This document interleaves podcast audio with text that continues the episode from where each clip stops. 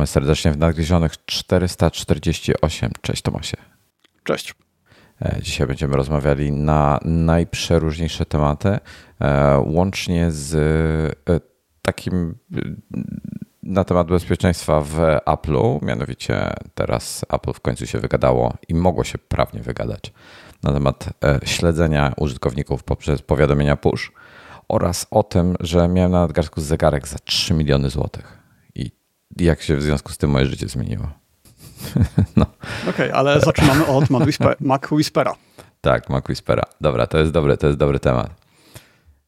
Um, czekaj, kurczę, znajdę tylko, znajdę maila, bo ja wysłałem e, maila do twórcy Mac Whispera. Co się stało? Robiłem e, rob, e, robiłem transkrypcję, nie, wrzuc, nie wrzucałem jeszcze tego. Robiłem transkrypcję nadgryzionych I na początku mamy zawsze tą naszą muzyczkę. Z MP, dodam, dorobiłem transkrypcję z MP3, czyli, czyli zmontowałem odcinek, była MP3, tą MP3 wrzuciłem do MacWhispera, e, e, zaczął transkrybować. I pierwsze zdanie to jest ten, gdzie, gdzie ta muzyczka leci na początku nasza. Pier, pierwszy tekst, co on przetłumaczył, ja powiem, jaki jest długi. Dzień dobry, witam serdecznie na Zagrzeszonych 447. Dzisiaj będziemy rozmawiali głównie o Steam Decku, bla, bla, bla i tak dalej było. Ale wcześniej wstawił Ustaw utwór sztywka zamiast sygnału oczekiwania na połączenie. Wyślij SMS sztywka na numer taki i taki w nawiasie 0 zł.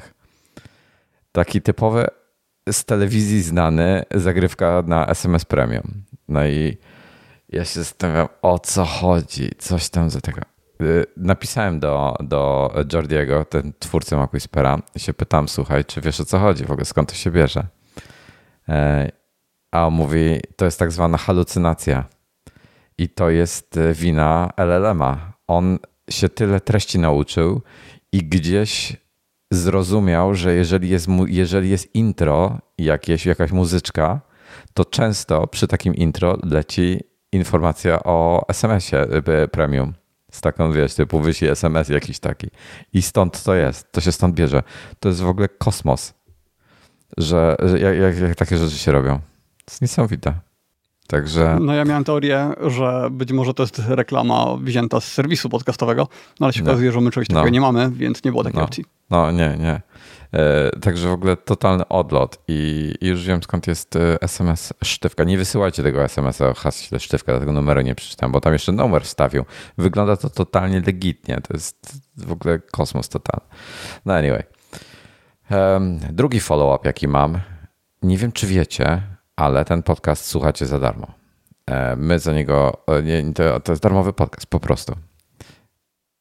Część z Was ogląda go na żywo, jak nagrywamy, lub później po nagraniu na YouTubie, bo e, tam nagrywamy na żywo, to wszystko widać. 60,3% z Was nie jest zasubskrybowanych. To jest za free. Nie bierzemy za to pieniędzy. Kliknijcie sub.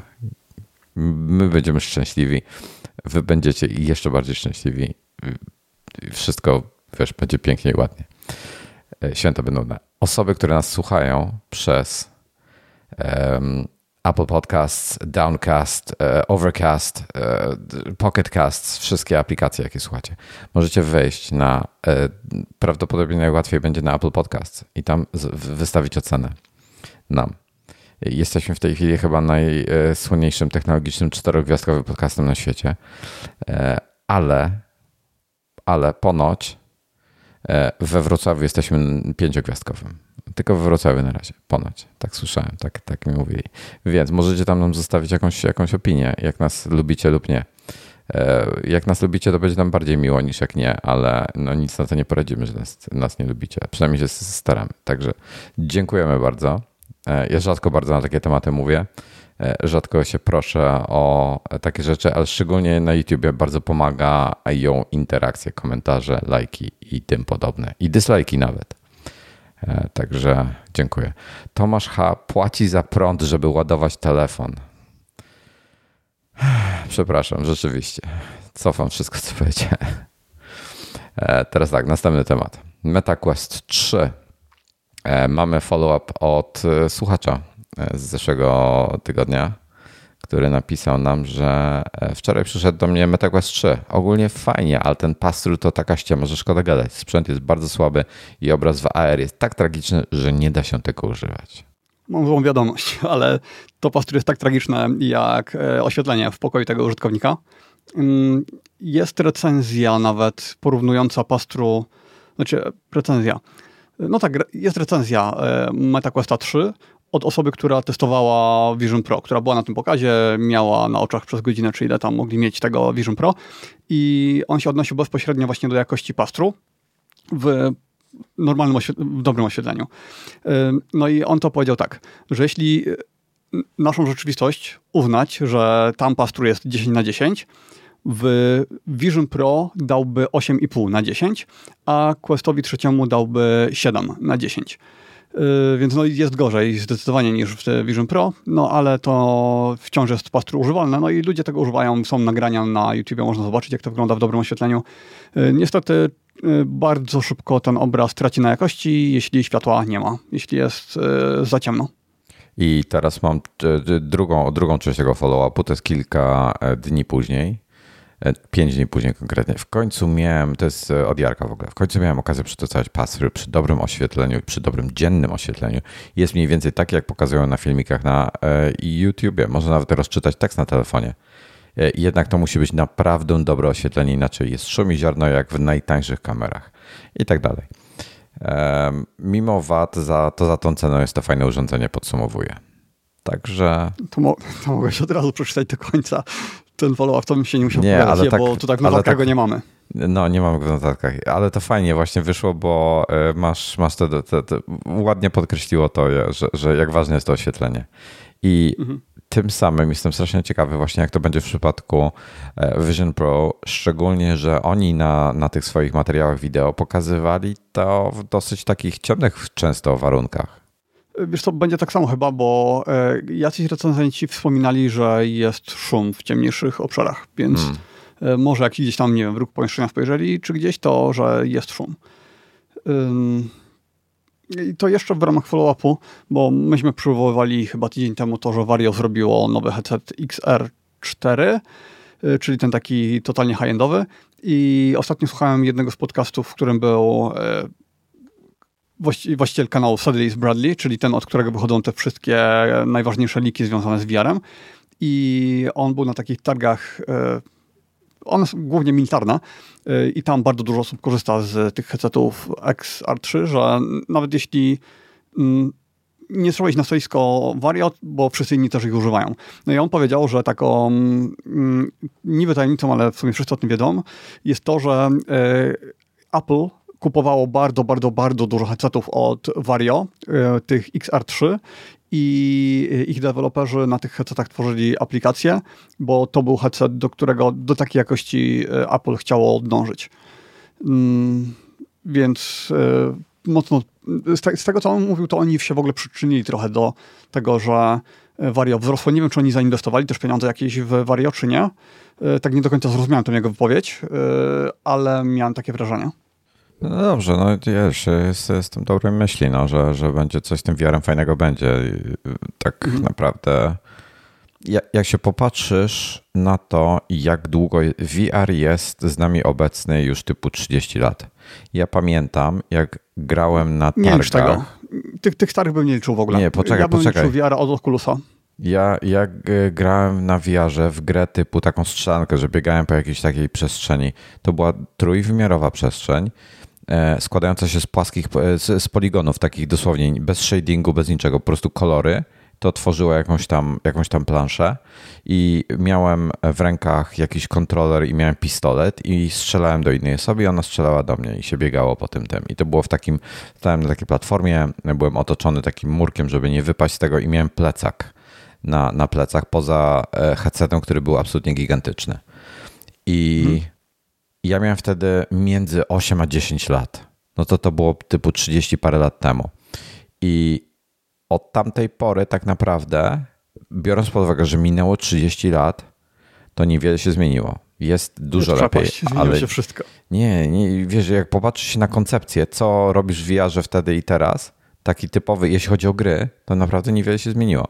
To jest. Nie, no to, to zobacz, tak, jak... powiedział, że między iPhone'em a tym telefonem, który y, był przywiązany do walizki, że nosiłeś neseser i z niego wyciągałeś słuchawkę, którą przykładałeś do ucha, to tak jakbyś to powiedział, że się niewiele, niewiele zmieniło. Pierwszą komórkę, jaką miałem, miałem w wieku, e, nie pamiętam, 18-19 lat, gdzieś ten rejon, powiedzmy, że 18 lat. Pierwszy iPhone był jak 2007. E, Czekaj, e, zaraz policzę, ile ja miałem wtedy. Było... No to 10 lat, dobra. To zobacz, od, od pierwszej komórki miałem Motorola StarTACa, to był pierwszy dumb phone, taki w miarę ten składany, pierwszy taki flip phone. To od tamtej pory do pierwszego iPhone'a minęło 10 lat. I zobacz, jaki to był skok technologiczny. Z głupiego telefonu, który nie miał nawet, yy, on nie miał chyba, yy, on nie miał nawet możliwości tworzenia yy, tego, książki kontaktów ten, ten, ten Motorola StarTAC, do iPhone'a, który był de facto komputerem z macOSem w kieszeni. Y, jaka to jest przepaść względem tego, względem tych, tych headsetów? No jest mniejsza niż między tymi VR-ami. Je, moim zdaniem jest dużo większy skok technologiczny. Jest kolosalny skok. Ja myślę, że VR na, w porównaniu ze smartfonem bardzo wolno się dla mnie rozwija. Bardzo wolno. I, no, tutaj się nie dogadamy, mam kompletnie no, inne zdanie. Ja zupełnie inaczej na to patrzę e, chyba niż ty I, i, i dla mnie się po prostu bardzo wolno rozwija. Ja bym dzisiaj się spodziewał, że wiesz, to co, to, co miałeś, e, pamiętasz to, co Microsoft pokazał w tym swoim HoloLensie? Mhm. To, no to jest AR, to jest zupełnie co innego. To przy takim tempie rozwoju minęło 30 lat. Gdyby było takie tempo rozwoju, to my dzisiaj byśmy mieli już jak nie soczewki, no to okulary, e, które by nam potrafiły całe pole wypełnić, wiesz, wszystko, co chcemy, AR, zmienić się w VR i tak dalej.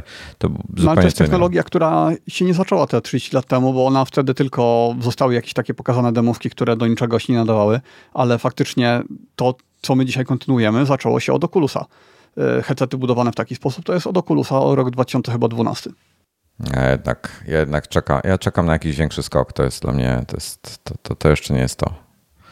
E, no i to na przykład, że w Apple Vision Pro ta bateria w kieszeni. Tak myślałem o tym, o tej naszej ostatniej rozmowy. To jest kurde, to nie jest to. Hmm. To nie, to, to jest dziwne, to jest dziwna decyzja. E, dobra, Następny temat. Sporo miałem feedbacku na temat jeszcze zresztą od osób pod, od oglądających ostatnio odcinek na temat zegarków mechanicznych. Po, po, zawsze jak o nich coś mówiłem, to mówiłem tak w, w skrótowo. Chciałem dzisiaj właśnie tak trochę szybko, ale szerzej powiedzieć na ten temat, żeby trochę jakiś, jakiś pogląd na to dać i jak ja do tego podchodzę. I najfajniejsze jest to, że każdy sobie może podchodzić jak chce. Teraz tak, fajne zegarki, takie fajne, fajne, moim zdaniem fajne zegarki zaczynają się od rejona 1000 zł, 1200 zł, gdzie mówimy tutaj o Seiko, o jakichś mikrobrandach i tak dalej, gdzie już jest tam rzeczywiście coś fajnego. E, fajne zegarki kończą się no w zasadzie, no jak, jak dzisiaj w tytule widać na 3 milionach złotych, a pewnie są i droższe. Są, bo Richard Mille są droższe. Mi się osobiście nie podobają. Teraz tak, każdy jest tak dużo zegarków. Pamiętajcie, to są zegarki, które są od często od setek lat e, projektowane i każdy przerobił każdy design, każdy e, miał na przykład projekt. Mówi, dzisiaj najpopularniejszym zegarkiem nurkowym jest Rolex Submariner. Jego design, jego tarczy powstał e, przez e, marynarkę wojenną Stanów Zjednoczonych. Oni taką specyfikację, taką tarczę chcieli mieć na swoich zegarkach nurkowych dla swoich nurków.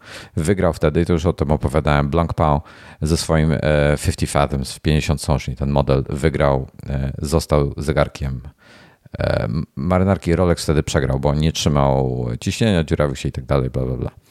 W sensie woda się dostawała do środka. Im się to nie udało ale dzięki świetnemu marketingowi to jest najpopularniejszy nurkowy, nurkowy zegarek na świecie, jeśli chodzi o rozpoznawalność. A Blancpain jest dzisiaj przez praktycznie nieznany, e, mimo że jest to jedna z najbardziej kultowych firm na świecie. Więc każdy, ogólnie jeśli chodzi o, o, o, zegarki, każdy znajdzie coś dla siebie. Design jest przerobiony przez wszystkich. Tych firm jest, są setki, tych takich naj, najbardziej znanych firm jest mniej, ale ale każdy coś przerabiał. Jak sobie popatrzysz na przykład na e, Tagoyera, e, Aquaracera, na Omega Seamastera i na kilka innych takich znanych zegarków, które są, każdy z tych zegarków jest unikalny na swój sposób. To nie sposób nie zauważyć podobieństw. Każdy zegarek nurkowy też coś tam sobą przypomina. Więc um, każdy tutaj musi znaleźć jakiś swój złoty środek. To jest pierwsza rzecz. Druga rzecz, jeśli chodzi o powody kupowania są ludzie, którzy kupują, szczególnie te, te, te temat pandemii był, kupują zegarki inwestycyjnie, traktują to jako lokatę kapitału. Nie ma z, z tym nic złego. E, część tak osób robi. Część osób robi to jako hobby, część osób to robi jako mieszankę tego wszystkiego. Ja staram się, jako że to jest głupie hobby, w sensie e, dosyć, jak każde głupie hobby, droga, e, droga impreza, ja staram się, żeby to jednak nie tracić na tym pieniędzy, czyli żeby zegarki, które, które mam, żeby one jakoś tam nie traciły w najgorszym wypadku wartości. Teraz tak, jeśli chodzi o luksus kontra nie luksus. To jest bardzo subiektywne. Dla niektórych ludzi Rolex na przykład to jest, to jest będzie się Rolex sobie bardzo powtarzam, bo to jest najbardziej rozpoznawalna marka zegarków na świecie. E, poza ewentualnie Swatchem i Apple Watchem. Rolex jest luksusem, ale to jest masa, to już rozmawialiśmy też o tym, to jest masowy luksus. To jest E, luksus, który, gdzie oni sprzedają rocznie całą swoją produkcję, milion dwieście tysięcy, e, e, milion tak, milion koma dwa zegarków rocznie. Omega dla porównania wyprzedaje całą swoją produkcję, jest to pół miliona. Nie wiemy, co by było, gdyby te firmy produkowały więcej. Żyżeli Kutr wyprzedaje, sprzedaje wszystko 100 tysięcy zegarków, a Lange Zone sprzedaje 5 tysięcy zegarków rocznie i nie robi więcej zegarków. mógłby, nie chce, robi tylko 5 tysięcy zegarków rocznie. Lista oczekujących jest, jeżeli chciałbym się ja na przykład dzisiaj zapisać po, e, po Alange Zone, to bym czekał prawdopodobnie z 5-7 lat w kolejce, żeby dostać zegarek. To są tego typu e, rzeczy, więc każda firma to inaczej podchodzi do tego tematu. E, Rolex ruszył e, podczas pandemii, czy zaraz po, dwie kolejne fabryki, więc teoretycznie im sprzedaż powinna, jak już je uruchomią, wzrosnąć. Teraz tak. Były pytania o to, jak tworzyć kolekcję. Tu musicie się zastanowić. To jest, to jest w ogóle tak, to jest temat. Nie kupujcie nic na hura, obserwujcie, oglądajcie, zastanawiajcie się, co chcecie. Ja na przykład podchodzę do tematu tak. Chcę mieć chronograf, bo, bo to jest rodzaj zegarka, który, który tam odmierza w jakiś tam sposób czas lub inne rzeczy. Więc chciałem mieć chronograf, specyficzny rodzaj zegarka. E, zegarek nurkowy to jest, to jest drugi rodzaj, którego e, już mam od dawna. Zegarki nurkowe zazwyczaj są bardzo dobrymi daily, bo potrafią wytrzymać e, zanurzenia dosyć gwałtowne i tak dalej, więc nie uszkodzicie go. Potem jest tak zwany zegarek wyjściowy, dress watch, jakiś do garnitury i tak dalej. E, jest zegarek taki do noszenia na co dzień, są zegarki e, dla pilotów, czyli, czyli najpopularniejszy przykład to jest ten IWC Big Pilot. E, mamy oczywiście tanie zegarki, drogie zegarki, mamy zegarki, pamiętajcie o tym, my dzisiaj traktujemy na przykład taki zegarek typu Rolex Submariner, to jest zegarek, to jest narzędzie, to nie jest zegarek wyjściowy. To nie jest zegarek do garnituru, mimo że ludzie go tak dzisiaj traktują. To jest zegarek użytkowy, to jest zegarek, który służy do nurkowania. E, to jest po prostu narzędzie do, do nurkowania. Są zegarki typowo takie designerskie. Teraz tak, więc tutaj musicie sobie zdecydować, czy chcecie mieć e, kolekcję zegarków swoją, która ma się składać z każdej, każdą kategorię chcecie sobie oznaczyć, a może chcecie mieć tylko trzy zegarki. Najpopularniejsze kolekcje mają to są dwa, dwa zegarki. Zegarek użytkowy i zegarek e, wyjściowy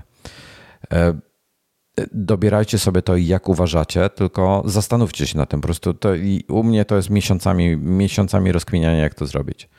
E, dużo osób ma problem z rozmiarami e, zegarków, jeśli chodzi o nadgarstek. Jedni mają większe nadgarstki, drugie mają e, większe.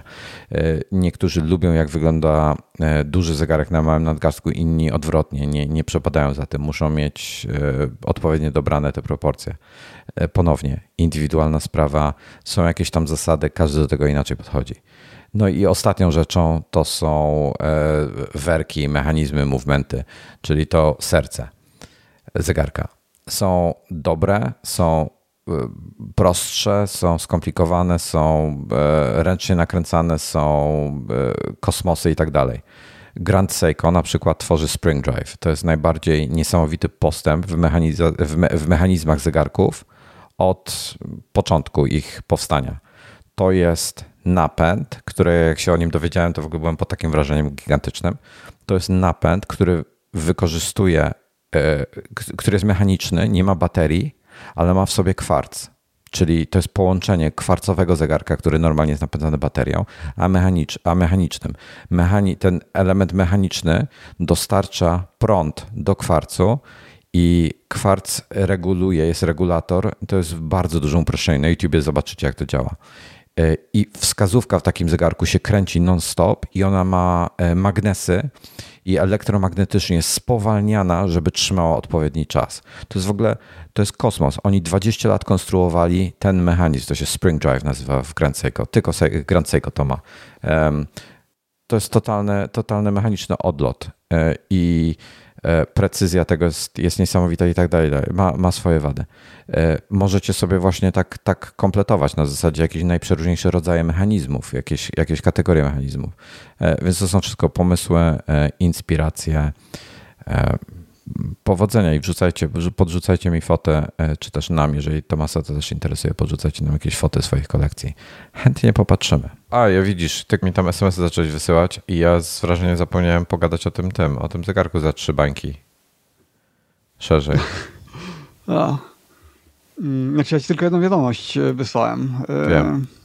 Eee, możemy dograć jeszcze fragment. Nie, już nie będę ten, ale powiem ci, powiem ci, kurde, że ja, ja, znaczy ta cena jest, wiesz, oderwana od rzeczywistości względem tego, ale tak jak są na przykład te zegarki Richard Mill. Richard Mill sponsoruje Ferrari w e, Formule 1. Gość, jak robi na przykład jakiś tam model, ok, połowa tej ceny to prawdopodobnie jest marża. Natomiast on wykorzystuje jakieś wszystkie materiały, które uży, wykorzystuje w produkcji zegarków. To są jakieś kosmiczne materiały używane, wiesz, albo w statkach kosmicznych, albo w bolidach Formuły 1, albo jakieś takie, wiesz, e, odmiany tytanu e, grade, kurde, 15, który jest w ogóle jakiś, wiesz, kosztuje absurdalne pieniądze i tak dalej, i tak dalej. E, to, to, to, jest kosmos totalny. A najfajniejsze jest w ogóle tak, że najtańszy najtańszy taki dobry swojego czasu Turbilion, czyli to jest taki zupełnie bezsensowna komplikacja. To, jest, to widać ten, e, tą sprężynę, która tam się obraca w trzech. To, to jest. W zegarku mechanicznym masz tą taką sprężynę, prawda, która, się, e, która na, napędza wszystko. E, I ta sprężyna tutaj w tym zegarku za te trzy bańki jest zamontowana w takiej, tak, takiej takim globusie, ta, ta, taka kula po prostu w środku jest zamontowana i to się obraca w trzech osiach. E, i teraz wyobraź sobie, że to jest to, co mechanicznie napędza cały inny zegarek, a to się obraca wszystko i to jeszcze ma styk mechaniczny z, z, wiesz, z resztą zegarka, że, żeby napędzać go. I to jest zupełnie komplikacja, która jest zupełnie bez sensu. Ona niczemu nie służy poza tym, żeby ładnie wyglądała. I taka komplikacja, normalnie swojego czasu najtańszy zegarek z turbilionem kosztował typu 100 tysięcy euro czy coś takiego. W tej chwili Chińczycy zaczęli sprzedawać e, e, zegarek z turbilionem za 1000 dolarów. Za 1000 dolarów, słuchaj. I, I ponoć jest całkiem dobry. W sensie e, jacyś youtuberzy go, wiesz, kupują te zegarki i testowali. Ponoć jest to całkiem fajny zegarek. Także Chińczycy w ogóle wywrócą ten świat e, do góry nogami, szczególnie cenowy, bo oni zaczynają robić takie rzeczy. Zbudowali teraz, też Chin, Chinol zrobił zegarek, który ma w środku łańcuch, jak, taki jak od roweru albo od motocykla. Taki wiesz, taki łańcuch po prostu. E, I on pracuje się, to jest w ogóle bardzo duży zegarek, jak, jak taka busola, i on w środku się porusza e, po, po takim owalu i napędza jakiś chyba tam jest system planetarny w środku zbudowany. Są takie mini planety i one się tam poruszają. W ogóle wiesz, odlot totalny i to wszystko jest mechaniczne. Ludzie takie kosmosy wymyślają biorą potem za takie kasy. A Chińczycy, które takie rzeczy wymyślają, kosztuje tysiąc dolarów. Nie, nie, nie wiem w jaki sposób. Tylko z drugiej strony sobie potem zdajesz sprawę z tego, że to pewnie jakieś dzieciaki, e, wiesz, w jakimś sweatshopie e, składają. To tyle. Teraz tak. E, mamy temat Steam Decka wraca. Mm, jeden w zasadzie. E, jest analiza tego e, PWM w, e, ekranu. I to jest ciekawa, ciekawa rzecz. I to, I to stąd się bierze. wiesz, co to jest, Tomas? Ta funkcja? Znaczy ta, ta, ta, ten rodzaj. Halo? Nie do, no tak, tak, ale o, o czym konkretnie mówisz w Steam Decku? O, PW, e, tam jest e, w notatkach masz link do Reddita e, o, tym, jak działa ekran, jak działa ściemnianie ekranu. Już tłumaczę. PWM, nie, nie pamiętam od czego to był skrót. PWM w tej chwili. A, okej, okay, PWM. Znaczy skrót, skrót nie wiem, ale generalnie przez wiele lat, jak LCD były niedopracowane jeszcze, to one migotały przez zasilanie, które przez zasilanie w tym mm, Power ekranie. Wave Modulation, jakoś tak to było. Były... Mm, to był taki efekt, że szczególnie na niskich jasnościach, który bardzo męczył wzrok. Ale to jest coś, co od lat raczej nie jest problemem. Pulse Width Modulation, przepraszam. E, no to y, ekran w, w tym, mi to specjalnie nie przeszkadza, mm, natomiast ekran w Steam Decku OLEDzie e, korzysta właśnie z tej funkcji PWM, czyli ekran, żeby regulować jasność ekranu, to nie jest tak, że on jest. To jest. Nie, nie będę wam tłumaczył teraz, jak PWM działa. To jest um, software'owy sposób, żeby ustawiać jasność ekranu poprzez bardzo szybkie włączanie i wyłączanie go. Czyli na przykład, jeżeli, jeżeli w ciągu sekundy, załóżmy, że on się e, zapala, znaczy świeci się, odświeża się 90 razy na sekundę, to jeżeli i on będzie migotał przykładowo, co, co, co drugą klatkę będzie e, ciem, ciemniejsza niż ta, ta główna albo wyłączona całkiem, to e, my rozpoznamy, nasz wzrok rozpozna to jako ciemniejszy ekran. Będzie po prostu, bo mniej światła do nas dociera z, z tego źródła. Ale to powoduje zmęczenie wzroku u niektórych osób i wpływa na ból głowy i tak dalej.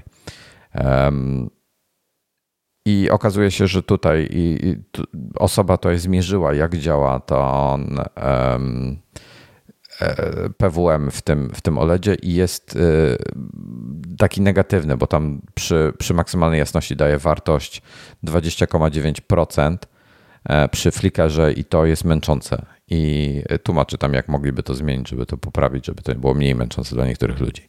E, więc jeżeli, jeżeli was Steam Deck OLED jakoś męczy wzrok was z jakiegoś powodu, to, to właśnie z tego. Ja ze względu, ja nic więcej nie, w zasadzie nie grałem e, od ostatniego odcinka na nim, bo, e, bo, bo byliśmy z żoną na na, na urlopie w końcu, więc no, więc nie miałem okazji. W zasadzie tyle, jeśli chodzi o follow-up, myślę. E, możemy chyba przechodzić do newsów, chyba że jeszcze chcesz coś dodać. Mm, newsy, mogą być newsy. Dobrze. Linux jako e, będzie znowu rok Linuxa, ale czy e, systemy operacyjne, które są distro konkretnie, czyli dystrybucje Linuxa zorientowane właśnie pod gry, są lepsze od Windowsa 11. Słucham Ciebie. Ja to wstawiam tylko jako taką bardzo krótką notkę że e, no, żyjemy w czasach, kiedy Linux potrafi być wydajniejszym systemem do grania niż Windows i mówimy tutaj o grach napisanych natywnie na Windowsa. Nie o takich, które mają natywne wersje Linuxowe, tylko natywnie na Windowsa, nie mają wersji Linuxowych i uruchamiamy je przez Protona na Linuxie, czyli przez tą warstwę tłumaczeniową. E, co wydaje się absurdalne, żeby to mogło działać lepiej, a działa lepiej.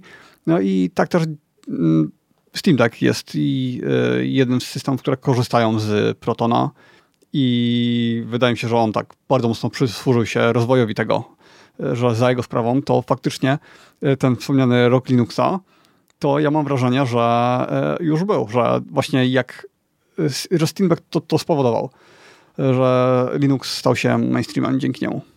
No, to jest, to jest ciekawe. Tam różnica jest, to na Ryzenie testowali konkretnie 7 e, jest dosyć znacząca. To, to jest typu, tam jest 10% wydajniejsza jest gra, jeśli chodzi o FPS, jeśli chodzi o liczbę FPS-ów. Dostajesz 10% ekstra FPS-ów tylko na, za to, że jesteś na Linuxie kontra Windows. To jest e, zaskakujące, a podejrzewam, że to jest słabo zoptymalizowane w tej chwili. Jakby to jeszcze podoptymalizować, to byłoby jeszcze lepiej. Mhm. I sterowniki NVIDIA w końcu są już w miarę ogarnięte. Wyśledzanie promieni i tak dalej. W tej chwili już chyba prawie wszystko działa. E, I to w tych opcjonalnych sterownikach, nie tylko w tych takich e, nie wiem jak to nazwać, fanowskich. No ja tam nie śledzę tego tematu jakoś solidnie, ale mam osoby na Mastodonie, które siedzą na Linuxie i o ile największy problem jest chyba z tymi grami VR-owymi, a do płaskich już prawie, płaskich prawie wszystko już działa. Z VR-owymi no też się da grać w VR, ale chyba tam są większe ograniczenia. No to jest e, dosyć, dosyć dla mnie e, mimo wszystko mm, zaskakujące, ale wiemy, że Windows nie jest optymalny, jeśli chodzi o granie. E, jako ciekawostkę podpowiem, że mój kolega sprawdzał, porównywał dziesiątkę z jedenastką, bo robił przed upgrade'em do jedenastki, wyczyścił komputer, robił na, na czysto jakiś, zrobił upgrade komputera, wyczyścił Windowsa, zainstalował dziesiątkę na czysto porobił swoje testy, potem zainstalował 11 na czysto i porobił testy i miał średnio od 3 do 5 FPS-ów mniej na 11 niż na 10. Też jako taka kolejna ciekawostka. E, dobrze, o, porozmawiajmy o pannach młodych teraz. Jest zdjęcie, które stało się wiralem, więc może już je widzieliście. E, chodzi o pannę młodą, która stoi e, w sklepie, mierzy suknię ślubną i wokół niej są lustra. E, czyli zdjęcie jest takie, że widać pannę młodą od tyłu, a jednocześnie widać jej odbicie e, w dwóch lustrach, gdzie widać ją z przodu i tak lekko z profilu. E, no i trik polega na tym, że to jest zwykłe zdjęcie z iPhone'a, które, na którym ta panna młoda ma inną pozę na mm, tak jakby tak. w każdym miejscu, to znaczy... Ka każde zdjęcie w, w, w inną po prostu przyjęła pozę, na każdym z tych trzech zdjęć, czyli jak stoi tyłem, to... Czyli, ja, ja zdjęcie powiem... jest jedno. Tak, zdjęcie jest jedno, natomiast w lustrze jednym ma ręce złożone... Mm, staram się to, postaram się to zobrazować. Jest tak, widzimy na zdjęciu, na środku zdjęcia stoi panna moda plecami, prawie równo plecami do kamery jed, prawą rękę ma zgiętą do połowy, tak jakby e, trzyma ją e, skierowaną do swojego pępka, e, a drugą lewą rękę ma lekko zgiętą tylko w łokciu i równolegle do ciała w dół jej zwisa. Po lewej stronie jest pierwsze lustro i tam widzimy jej profil, prawie równo profil. Trzyma obie ręce lekko zgięte w łokciu i skierowane w dół i po prawej stronie jest drugie lustro, gdzie widzimy ją en uh, face i tam trzyma dwie ręce złożone, e, palce przeplecione e, ze sobą e, na brzuchu, złożone zgięcie, łokcie zgięte pod kątem 90 stopni. Tak, to było to jedno zdjęcie. Po prostu... Tak. Jedno zdjęcie, jedna tak, osoba. tak, tak jakbyśmy nacisnęli w iPhone'ie zrób zdjęcie i takie coś by nam doszło. No i to jest idealna demonstracja tego, jak dzisiaj działają aparaty w telefonach, czyli to, o czym wielokrotnie mówiliśmy, że iPhone robi wiele zdjęć i później ze sobą łączy. Dla iPhone'a to on sobie nie zdawał sprawy, że to są odbicia lustrzone. On myślał, że to są trzy różne osoby, więc skoro to są trzy różne osoby, to mógł wybrać klatkę y, jedną zrobioną wcześniej, drugą zrobioną później, w innym, w innym czasie, no bo nic nie stoi na przeszkodzie, żeby te ręce były z jednej sekundy, a później z drugiej sekundy. E, ta, ta panna moda, która, się, która była fotografowana, ona, to ona też nie stała statycznie. Ona się obracała, ona była w ruchu, jak zdjęcie zostało zrobione. Więc zdjęcie no zostało tak, tak, nie... bo to, to, z tego wynika właśnie, że te ręce tak. są inaczej, że w trakcie naciskania y, spustu, trochę przed i trochę po, te ręce były w ruchu i dlatego no, jest jak jest. Tak, iPhone, iPhone robi, ja już nie pamiętam w tej chwili, do 20 chyba zdjęć, czy, czy no w każdym razie sporo, żeby zrobić jedno zdjęcie, tak naprawdę robi 20 zdjęć i to jest potem składane, e, kompozytowane, żeby z tego powstało jedno zdjęcie i to jest no, piękny przykład, gdzie on potraktował trzy różne osoby, e, czy tą, tą jedną osobę e, plus jej dwie, dwa odbicia jako trzy różne osoby. Kosmos. Świetnie to wyszło. Mhm. Tak, i to jest coś, czego no nie za bardzo da się te algorytmy chyba poprawić, no bo często mogą być sytuacje, w której nawet nie wiadomo, czy to jest odbicie, czy to są y, różne osoby. Y, I wtedy skąd, skoro ja nie jestem w stanie odróżnić, to jak iPhone miałby odróżnić? Y, no, no to... Jest to wada, która występuje prawie nigdy, więc można się z tym pogodzić. E, to mamy taki właśnie te, te, taką, taki trochę podobny do tej halucynacji, co, co rozmawialiśmy na początku e, z LLM-u. To tutaj mamy coś, no to też podobne. To, to nie jest coś, co szybko będą w stanie rozwiązać. E, mhm. Myślę. E, chociaż, dobra, po, po AI jeszcze pogadamy trochę. A propos, ja w tej chwili nie pamiętam, tutaj jest jeszcze napisane w artykule, że w przypadku iPhone 14 Pro Apple mówiło, że A16 Bionic potrafi wykonywać do 4 trylionów operacji przy każdym zdjęciu, czyli jakieś tam mikroskopijne operacje i tak dalej. Co mm, to jest, to jest w ogóle kosmos. Wyobraź sobie, to jest, to jest głupi aparat, to jest maluteńka matryca po prostu w aparacie. Wyobraź sobie, co by było, gdyby ta e, ten computational photography, te algorytmy, te wszystkie e, rzeczy dodać do, takiej, do takich aparatów, jak wiesz, jakieś duże lustrzanki e, czy mm. średni format. E, myślę, że średni format w ogóle mógł na maksa zyskać jeszcze na tym. Um, no, no, średni format znowu jest powolny, więc raczej bym celował w pełną klatkę. No, szczególnie przy, ostatnio rozmawialiśmy o A7, o A9, przepraszam, nowej, która w mhm. zasadzie mhm. robi, teoretycznie jest to kręt, jakby film kręciła, tylko ze zdjęć, tak? Tak. Dobrze. Następny temat, proszę Państwa, e, będzie e, Steam Link na MetaQuesta. Słucham Ciebie, Tomasie. To znowu tylko szybki news. Mm, doszła nowa metoda łączenia się VR-em z e, PC-tem i to jest natywna metoda od Steama, co jest o tyle ważne, że większość gier VR-owych jednak gramy na Steamie. Kupujemy je na Steamie, więc jest to super wygoda, jeśli się ma zintegrowane narzędzie ze Steamem, które działa w 100%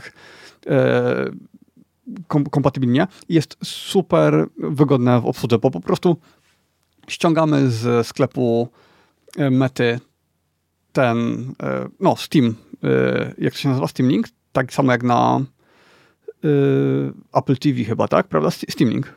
Tak, Steam Link. Steam Link, tak, tak kojarzę. Tak, więc tak, nazwa jest taka sama nawiara jak na Apple TV, na wszystko inne, jak, ta, jak ten Steam Link dwuwymiarowy. Ściągamy to ze sklepu, instalujemy i tak naprawdę tyle, no bo Steama na PC już i tak każdy ma zainstalowanego, a jeśli ktoś ma VR, to ma też Steam VR zainstalowany, więc y, później już tylko się uruchamia to, przepisuje się kod, który wyskakuje na ekranie monitora, czyli tam jakieś chyba 6 cyferek y, i tyle. I komputer jest połączony. Y, wielu osobom działa to lepiej niż do tej pory najlepsza metoda, czyli Virtual Desktop, E, zdecydowanie lepiej niż metoda natywna mety, czyli e, Airlink albo po prostu Link.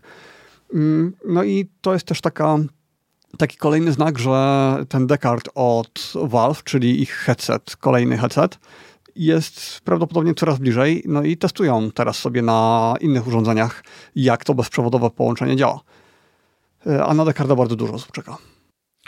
Ja muszę, ja muszę w końcu, nie, muszę, muszę potestować, ja muszę huba jakiegoś, nie, nie mam huba odpowiedniego, ale muszę potestować podłączenie Steam Decka do telewizora, zobaczyć jak to się będzie zachowywało. No to nawet nie musisz huba, żeby potestować to tylko kabel wpinasz i gotowe. Tak, ale wiesz, chciałbym jakiś kontroler wpiąć i tak dalej, e, to, to byłoby... A, słuchaj, e, mówiłem o kontrolerze w zeszłym tygodniu, tego 8-bit do, czy nie? Nie. E, dobra, wziąłem na próbę, podłączyłem go, wyjąłem, bo on ma on ma tą taką podstawkę swoją do, do ładowania. W tej podstawce jest schowany dongiel, taki na USB-C. Tego dongla wziąłem, wpiąłem go do PC-a, przełączyłem suwak na, e, na padzie na tryb 2,4 GHz z Bluetooth, bo po Bluetooth mam połączony go ze switchem i podpiąłem go do komputera i pięknie działał bez problemu. Jedyne co musiałem zrobić to co musiałem zrobić? Po uruchomieniu gry musiałem wyciągnąć dongla i włożyć go jeszcze raz, bo mi nie chciał go, jakby nie, nie, nie rozpoznawał go. To, to czasami tak jest na Steamie, ogólnie. Nawet jakbyś miał grę uruchomioną bezpośrednio na PC, mm. zdarza mi się, że nie, to mam właśnie, bezprzewodowo tylko kabel. Grę miałem uruchomioną na PC i to było podłączone do PC, więc ale, ale no, tak, się, tak się stało. Mhm, to, to mnie się zdarza, że tak, że na PC mam kabel wpięty, a nie bezprzewodowe połączenie, y, to muszę wyciągnąć kabel i włożyć go jeszcze raz. No, e, to ba bardzo fajny. Także ten 8-bit do jakby wykorzystałem jego drugą połowę, drugą połowę jego możliwości, ja przecież tyle już go mam. E, mogę polecić. Ja nie pamiętam jaki model miałem. Musielibyście się cofnąć do um, starszego odcinka, zresztą może, może go na szybko znajdę. E, jestem, jestem bardzo zadowolony z tego pada. To jest Już no, go znajduję. są z niego zadowoleni. To jest, to jest Tak. jeden z lepszych padów, jakie O. można kupić. Znalazłem. 8-bit Duo Ultimate Bluetooth plus 2,4G. Tak, i Steam Deck ma teraz nową funkcję, że da się go wybudać kontrolerem, więc już nie trzeba podchodzić do telewizora, tylko chwyta się kontroler, naciska się przycisk i gra się. Tak jest. No dobrze. Myślę, że, że czas przejść do GTA. Przyznam się, że nie miałem czasu. Inaczej, jest. Rocks- Rockstar Games wypuścili trailer do GTA, y, który trwa, nie pamiętam ile, półtorej minuty czy 30 sekund. Bardzo krótki jest. Minuty. są analizy tego, e, te, tego trailera, które trwają 30 minut.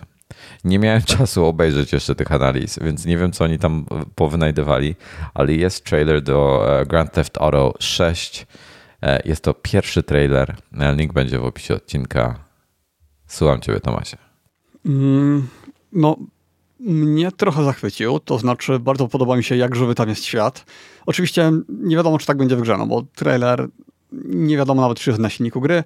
Wygląda na to, że tak. Yy, Wygląda na to, że faktycznie może tak yy, że może ta gra tak wyglądać na konsolach, ale yy, nie wierzę, że tak będzie wyglądał w 60 klatkach, a jednocześnie granie w GTA w 30 klatkach no to tak trochę koszmar, bo tam się dużo jeździ samochodami, pościgi policyjne, strzelaniny.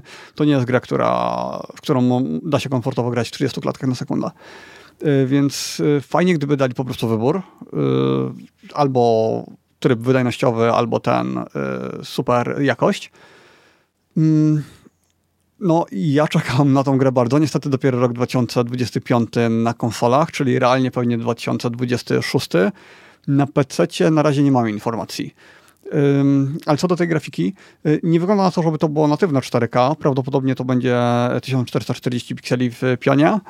Y, No ale mimo wszystko wygląda bardzo ładnie. Niektórzy mówią, że od GTA 5 prawie nic się nie zmieniło. I bardzo polecam zobaczyć sobie, jak zostało zaprezentowane GTA 5 albo jak wygląda na konsolach obecnie. Y, Ja sobie powtórzyłem trailer z GTA 5.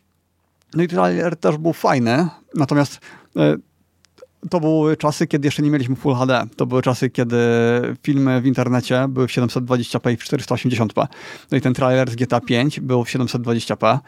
Y, To mm, pozwala sobie mm, da, daje do mm, myślenia, jak daleko, jak dawno to było jednak, nie? że kilkanaście lat minęło od tamtej pory. E, No jednak GTA Online za dużo pieniędzy im zarabia i nie śpieszyło im się z tym. Dla GTA 3 kupiłem specjalnie konsolę, ale ja ją kupiłem, kiedy te konsole były już dość stare i mm, były w niższych cenach. Nie wiem, czy dla GTA 6 byłbym w stanie to zrobić. Myślę, że nie.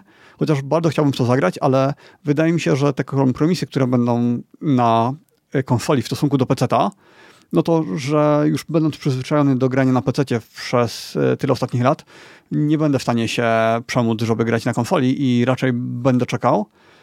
Ale jest to gra, w, której, w którą wbiję setki godzin na pewno i widziałem część analiz. E, No przede wszystkim te większość tych wydarzeń, tych scen, które się działy na trailerze, to są sceny z realnego życia. To są e, fragmenty, które e, obiegły gdzieś TikTok wiralowo, które były gdzieś na Instagramie. Nie wiem, to pojmanie aligatora, to właściwie chyba większość tych scen, albo nawet wszystkie, to jest, mm, to jest przeniesienie do wirtualnego świata tego, co się wydarzyło w rzeczywistości. Zresztą GTA zawsze z tego słynęło. Yy, Robiło dużo takich mrugnięć yy, oka do gracza.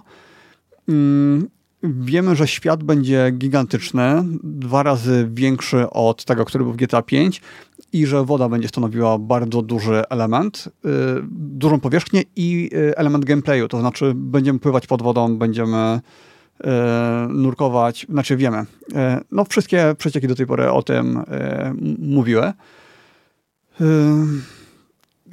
Zrobiliśmy kiedyś odcinek o grach i ja tam wymieniałem GTA jako jedną z gier mojego życia. Chyba Wojtek też o niej wspominał. Chyba nie grał aż tak nałogowo, ale ch chyba też grał. GTA? Mm, tak.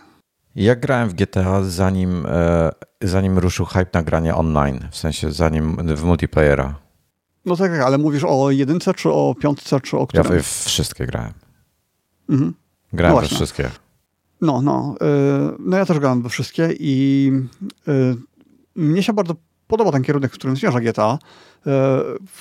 Fabuła w piątym się podobała, chociaż wiele osób narzekało. W, piąt, w szóstym będziemy mieć dwóch bohaterów, będziemy się prawdopodobnie nimi, między nimi przełączać. Jest analiza Digital Foundry, gdzie przyglądają się temu trailerowi od strony technicznej, analizują, czy ma to szansę tak wyglądać na konsolach, czy nie. E, no i na przykład e, jest wiele elementów, które wskazują, że prawdopodobnie z 80% tego trailera to jest na silniku gry zrealizowane tak, jak to faktycznie ma w stanie, może wyglądać później w trakcie grania. E, są elementy, które wskazują, że jest to ciągle trochę niedopracowane i że właśnie to jest element gameplayu, czyli na przykład włosy, które nie są jakieś super ekstra, mm, gdzieś tam anti-aliasing, nie, nie taki jakbyśmy mogli zrobić w animacji. No ale ja tak czy tak na tą wersję podstawową będę czekał i nie wiem, czy na online też. Y, nie wiadomo, co się stanie z onlinem w GTA 5, czy zostanie przeniesiony do szóstki, czy nie. Na pewno nie może zostać po prostu zamknięty, bo zarabia gigantyczną fortunę. Y, ja w online grałem y, kilka miesięcy, podobało mi się, ale to nigdy nie było to tak do końca. Przy czym ja, ja grałem wtedy, kiedy on był w początkowej fazie rozwoju, kiedy jeszcze nie było napad, napadów na banki, kiedy, kiedy to wszystko było polegało na tym, że po prostu jeździliśmy po mieście, robiliśmy rozwałkę i y, robiliśmy misje, które raczej były proste. Ja, ja nigdy nie grałem. Nie przypominam sobie, że, żebym grał kiedykolwiek online. Na konsoli online był trochę mm, upierdliwy. To znaczy, czasy ładowania były koszmarne. Takie naprawdę. Podejrzewam, że momentami mógłbyś podczas ładowania zjeść obiad, wrócić, yy, jeszcze trochę poczekać i dopiero się załadowało. Prawdopodobnie PlayStation 5 z dyskiem szybkim trochę to poprawiło, no ale to pamiętajmy, weszło jeszcze na Xbox 360 i później na yy, PlayStation 4 i no, na, na, w sumie na trzy generacje. I ja grałem na chyba wszystkich generacjach i prawdę mówiąc, długie czasy ładowania pamiętam też z tej środkowej generacji. I na pewno z tej najstarszej, ze środkowej. No najnowszej nie grałem, no bo wtedy już e, miałem PC-ta. Um. Ja, ja, bym chciał spróbować. E, zastanawiam się, jakby w ogóle GTA poszło na Steam Decku. Muszę, muszę sprawdzić tego. Zresztą na Piątka powinna, pro, Proton powinna działać świetnie. E, Proton DB, zobaczmy GTA 5, GTA. Bo Grand Theft Auto. Tu raport srebrny, czyli tak słabo. Ale to dlatego, że online nie działa, czy chodzi o samego singla? Czekaj, ja nie jestem, tu jest e, GTA 5, było przy, rzymska piątka, prawda? Grand Theft Auto 5, dobra, tak. znalazłem, to była jakaś inna wersja. Tych w ogóle wersji było tak dużo. E, szczerze nawet nie pamiętam, która była moja ulubiona z tych starszych. Dobra, wracam. E, złota, Grand Theft Auto 5 Gold, czyli jest playable i brakuje mu parę rzeczy. Jest tak. Jest napisane, największe zastrzeżenie jest e, problem z zewnętrznymi kontrolerami na e, Bluetooth albo na USB, e, że ręcznie trzeba przestawić kontroler. Potrzebny jest internet, to jest drugie ostrzeżenie, żeby uruchomić grę. I trzecie jest, że potrzebny jest albo touchscreen, albo wirtualna klawiatura i może być problem z przeczytaniem tekstu przy, przy pierwszym setupie. I tyle. I single player ponoć e, gra e, działa świetnie. Więc być może się wyposażę w ogóle w GTA 5 i sobie w to ponownie pogram, bo ja nie wiem, już 10 lat, kiedy wyszedł GTA 5? Z 10 lat temu? Chyba 12. Chyba 12. No to ja wtedy w niego grałem. Mm. No ja grałem kilk, e, kilkukrotnie, to znaczy fabułę robiłem dawno temu, ale później jeszcze wracałem. Ale co do tego GTA 6, to ono graficznie jest tak trochę nierówne, bo twarze bohaterów wydają mi się inaczej. E, GTA wygląda w miarę realistycznie, ale twarze bohaterów są stylizowane. Generalnie bohaterowie są stylizowani. E, już są przeróbki jajowe, jak może wyglądać GTA, gdyby przepuścić je przez filtr na zasadzie, e, że powiedzieć dali, czy jakiemuś tam visual GPT, żeby zrobiło to bardziej futurystyczne. No i dodaje wtedy szczegółów na twarzy, wygląda to lepiej. Tylko, że nie wiem, czy wtedy będzie technologia, która będzie potrafić e, robić to w locie. Nvidia musiałaby zrobić coś takiego, jak zrobiła z DLSS-em, że mm, tak jakby kolejną warstwą ten DLSS. To wyjdzie w momencie, kiedy. A, no tak, tylko że na konsolach to nie Nvidia, na, na konsolach to ATI czy AMD. To wyjdzie w momencie, kiedy konsole będą miały 5 lat, czyli nie będzie jeszcze kolejnej generacji. No nie, nie ma mowy, żeby była kolejna generacja, ale może być ta e, środkowa, czyli ta wersja Pro. E, czy ty byś był w, w, stanie kupić konsolę ze względu na tą grę? Na GTA? Mhm. Hmm, to jest dobre pytanie. Bo to moim zdaniem jest gra właśnie, która będzie sprzedawała konsolę. Właśnie y, dużo osób nie wytrzyma i kupi. Biorąc pod uwagę, jak zachowują się współczesne konsole przy wielu grach, mówię tutaj o 4K, mówię tu o FPS-ach, mm. to, to nie sądzę. To nie sądzę, żeby mnie to interesowało. No tylko jest nadzieja, że wtedy będzie już ta wersja Pro, że będzie trochę lepiej. Mm. E, nie, nie, nie, nie, wiem, czy to, bo wiesz co, ja chyba wolałbym na PC w to pograć. Znaczy, każdy by wolał na PC w to pograć. No, po, po prostu będzie wyglądało niebo lepiej, nie? Ale no, czas. No, e, Chodzi no. o to, że na PC nie wiadomo, kiedy to się pojawi. To może być rok opóźnienia. Ja, ja, wolę poczekać, ja wolę poczekać, pograć mm. w pełną wersję niż, niż, niż wiesz, jakąś tam niedoróbkę, że tak powiem. Nie, nie, nie mam ciśnienia e, takiego aż. Gdybym pewnie miał 20 lat albo 15, to pewnie bym miał, ale tak to, tak to nie. Mhm. Dobra. No dobra, jeśli chodzi o ten trailer, to chyba tyle. Mam, Link mam... macie w opisie. E, tak jest. E, breaking news mam, jeśli chodzi, czyli, czyli real-time follow-up. E, w testach e, będzie, nie wiem jeszcze, w przyszłym tygodniu pewnie, e, będzie 16-calowy MacBook Pro. Specyfikacja M3 Max 16 na 40 16 rdzeni CPU, 40 GPU, 128 GB RAMu, 8 TB SSD. Max. Po prostu full, co się dało. Nie, Max chyba nie jest maksymalny, prawda? Czy to. Nie, jest maksymalny. 16 na 40 jest chyba max. E, więc jestem bardzo ciekawy, e, jakie to będzie miało e, benchmarki, więc spodziewajcie się więcej na ten temat za tydzień. Teraz tak. W ostatnim tygodniu w internetach zadebiutowały dwa szalone samochody. Pierwszy z nich to jest, to jest po prostu totalnie zwariowane duże auto, niespotykane możliwości transportowe ma, jest piekielnie szybkie wygląda e, przekosmicznie, wygląda na maksa futurystycznie, a drugi e, to jest e, Tesla Cybertruck. Aż muszę kliknąć w opis i zobaczyć, co to jest za samochód ten drugi. Ferrari Puro Sangue pojawiło się. W końcu już Ferrari zaczęło dostarczać w tej chwili na Instagramie, jak się poleci, czy na YouTubie jest mnóstwo filmów, mnóstwo zdjęć to jest. Ja, ja nie przepadam za marką Ferrari. Ja nie jestem jakimś fanem Ferrari e, ani fanboyem i tak dalej. Mają parę fajnych samochodów. Ferrari Testarossa była przepiękna. Jak byłem mały, to mi się strasznie podobała. F40. Ferrari F40 do dzisiaj jest moim faworytem, jeśli chodzi o takie absolutnie niesamowite samochody. Nie chciałbym tego samochodu posiadać, chyba po to, żeby sprzedać, żeby zyskać na nim dziesiątki milionów. Teraz tak. Ferrari Puro Sangue to jest pierwszy, oni to FUV nazywają chyba czy jakoś tak, Ferrari Utility Vehicle. To jest po prostu e, do, do no, SUV, no po prostu, tylko jest sportowy. Jest trochę inaczej rozwiązany, jest czteroosobowy. Ma bardzo fajnie bagażnik rozwiązany. Ma taką bzdurę, Nikt, u nikogo jeszcze to nie widziałem. Jak jest półka, to taka wiesz, w kombi czy, czy w suwach jest półka z tyłu, żeby nie, nie było widać, co jest w bagażniku ta półka się chowa pod podłogą bagażnika, e, gdzie w żadnym innym samochodzie e, tego nie robi. E, co dalej?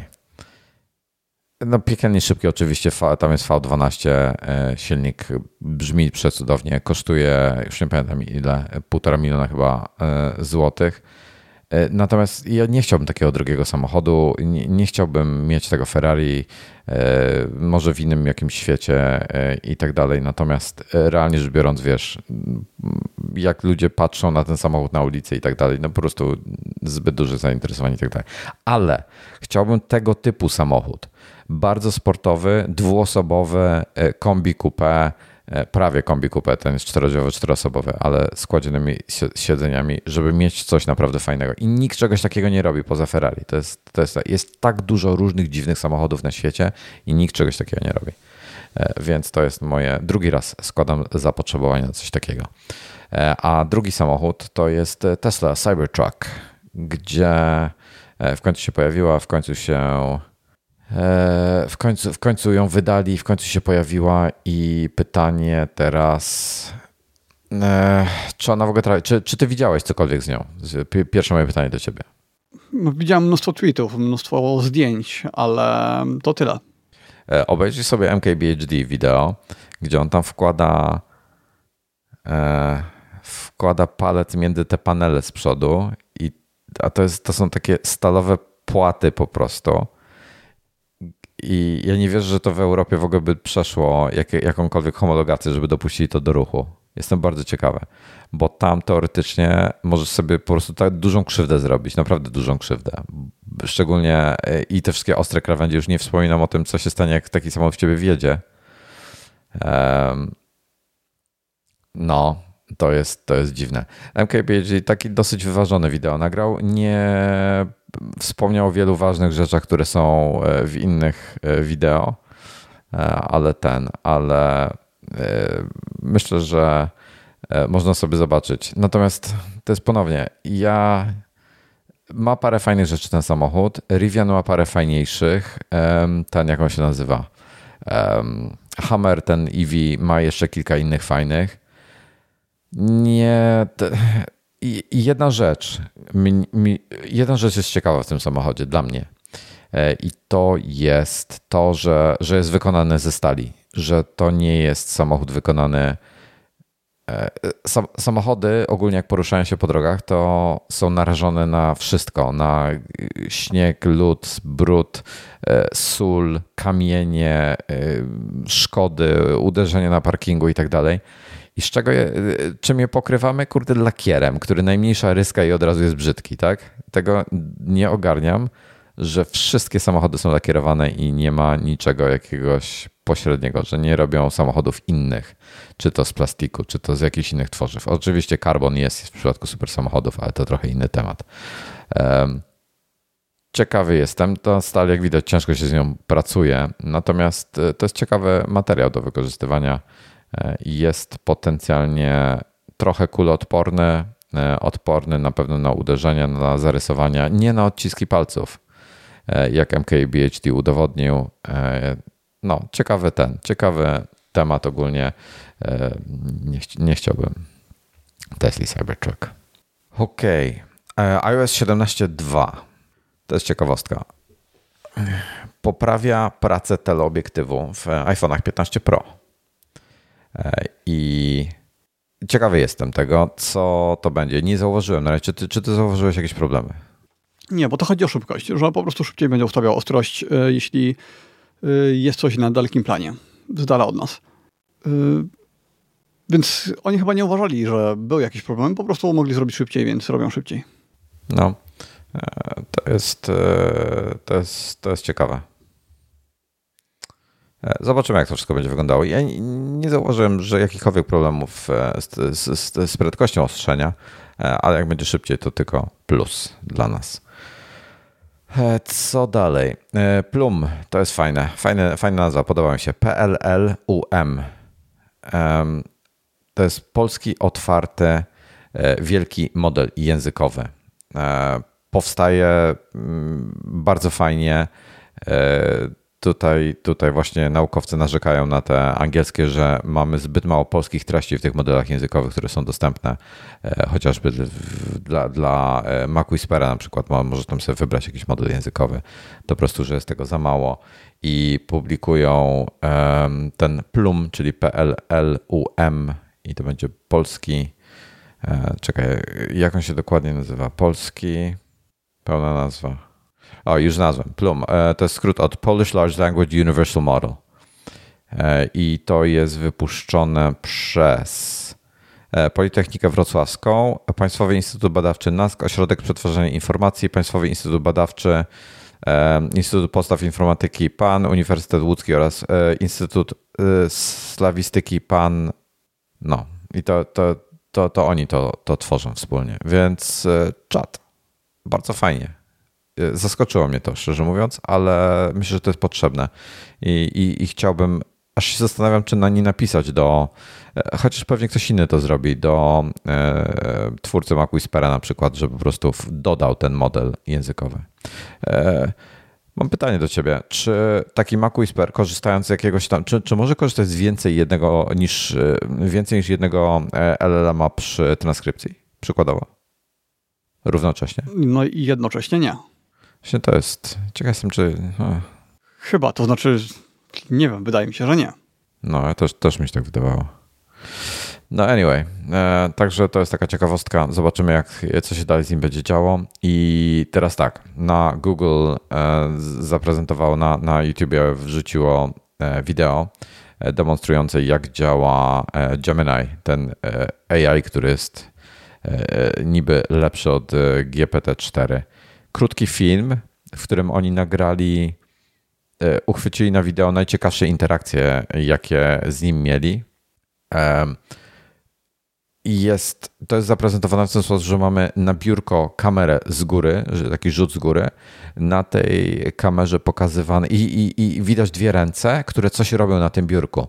I ten, to AI reaguje na to, co się dzieje na biurku, i tam ten użytkownik zadaje pytania e, i tak dalej. To tak, jest. Dodajmy, że dodajmy, że to jest tak jak, chat, tak jak GPT-4 w obecnej wersji nie wiem jak to po polsku powiedzieć, multimodalna, że rozpoznaje je jako input nie tylko tekst, ale to, co widzi, to, co słyszy. Y, więc możemy podać właśnie ilustrację, albo film, albo po prostu tekst. E, multimodalne, tak, tak mówi słownik. Tak, to, to, to mi zaimponowało. To był to było fajne. Trochę być może będzie to przerażające, ale to jest fajne. Jeżeli to będzie działało w ten sposób, e, gdzie rzeczywiście będziemy mogli. To, to zmieni teoretycznie. To jest tak, to jest na razie, to jest na razie program, e, który działa na jakimś systemie operacyjnym. Wyobraź sobie, co będzie się działo, jak, jak system operacyjny będzie e, tym AI, albo taka integracja będzie pełna systemu operacyjny. To będzie, no, na to, to czekamy. będzie kosmos. Zresztą tak, zresztą przy okazji omawiania Rewind AI wspominaliśmy właśnie, że ten moment, w którym integracja z systemem operacyjnym nastąpi, to będzie największy przełom. E, gorzej, gorzej trochę, jak będę, będzie miał takie halucynacje, jak ten językowy z mm. w tej chwili. Um, no dobra, teraz tak. Ja jakiś czas temu publikowałem na iMagu um, finalistów do e, App Store Awards kilka dni temu, tydzień temu Krzysiek e, Kołacz opublikował na iMagu zwycięzców App Store Awards. Przypominam, bardzo fajne źródło e, dobrych propozycji po prostu. E, fajne gry, fajne programy, które o których być może nie, wiecie. E, polecam e, przejrzeć sobie, może coś znajdziecie dla siebie. To są zazwyczaj najlepsze z najlepszych. Ale wracając jeszcze do tego, do tej integracji, to czy czasem ludzie, którzy stworzyli shortcuts, czy tam workflow, to czy oni nie pracują teraz nad e, AI zintegrowanym z systemem operacyjnym? Jestem przekonany, że dodawałem ten temat do. E, nie, ja nie dodałem go. E, wiesz co? Daj, daj mi sekundę, ja go znajdę. Ja wiem o czym mówisz. Ari Weinstein, mhm. Ari X E, to się nazywa, już mówię, co to jest. E, to, to, to jest w ogóle bardzo fajne. Ta, tego typu rzeczy mnie specjalnie nie interesują i to mnie nie interesowało, dopóki nie zobaczyłem, kto stoi za tym. E, to stoi, to jest tak, trzech byłych pracowników Apple na tym etapie. To jest gość Ari Weinstein, który stworzył Shortcuts. On najpierw stworzył, jak się pamiętasz, jak nazywała ta aplikacja? Workflows. Workflow. E, on stworzył workflow, został kupiony przez Apple'a, e, pracował w Apple'u, odszedł od Apple'a teraz, pewnie się kontrakt skończył, e, albo chciał po prostu zrobić to. I Konrad Kramer, to, to jego współpracownik, oni razem teraz prowadzą to, te, te wprowadzanie tego AI do macOSa i w ogóle Weinstein tutaj w lipcu opuścił, opuścił Apple'a. I trzecia osoba to jest Kim Beverett. To jest dziesięcioletni pracownik Apple, który również był na scenie WWDC. I oni w trójkę się zabrali za to, żeby, żeby wprowadzić AI jakoś szerzej do macOS. Zakładam, że chodzi też o to nie dość, że nie, nie tylko o to, żeby stworzyć coś fajnego, ale przy okazji, żeby Apple ich kupiło znowu. E, to jest, to jest najlepszy chyba sposób na zarabianie duży, dużych pieniędzy w Silicon Valley w tej chwili. Um, jestem bardzo ciekawy, co, co oni stworzą. To może być coś naprawdę fajnego, bo panowie wiedzą, co robią. Także zobaczymy. No tak, bo jak jak zrobili workflow, no to to było coś, co się wydawało niemożliwe, tak absolutnie niewiarygodne. E, tak. Oprogramowanie, które automatyzuje inne programy. E, no jakimś cudem Apple tego nie ubiło, tylko e, to, jeszcze ich integrowali ze sobą. To jest to, ja tego nie rozumiem. Ja, ja, ja do dzisiaj nie jestem w stanie hmm. zrozumieć, jakim cudem to przeszło. Co się stało, że to przeszło? Przecież oni ubijali takie śmieszne rzeczy, a to przeszło. To był kosmos. To było tak, to było tak, że wszyscy pobierali na gwałt tą aplikację jak najszybciej, jak ona się pojawiła, bo wszyscy wiedzieli, że Apple to ubije zaraz. Mhm. To było więcej niż no. oczywiste.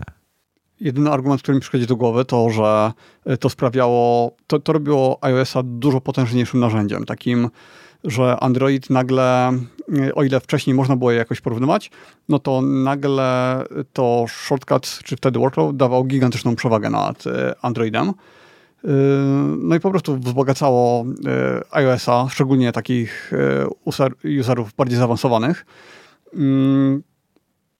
Mm, może to ich przekonało. Wątpię, żeby oni od razu mieli plan, że ok, to dajmy im się rozwinąć i po prostu ich kupimy i zintegrujemy to z systemem operacyjnym, e, bo to lata trwało, zanim oni ich e, przyjęli do siebie. No, ja jestem, jestem strasznie ciekawy w każdym razie, co, co z tego wyniknie, to, to będzie bardzo, to, to naprawdę może być coś wielkiego. Tak, przy czym ja e, trochę myślałem, że Rewind AI po prostu zostanie wchłonięty przez Apple. Tak? No, ale być może, znaczy chciałbym, żeby tak się stało. Miałem taką nadzieję, że być może to nastąpi, tak jak właśnie zrobili z Workflow. Ale teraz Rewind AI robi też y, swoją aplikację na Windowsa. Już nie jest y, tylko na Apple'a, więc chyba szanse malają. Dobra. E, ja mam teraz e, ciekawy temat. E, już nie pamiętam w tej chwili Jakie to kalendarze? Dobra, e, to, to, to był październik 1582 roku.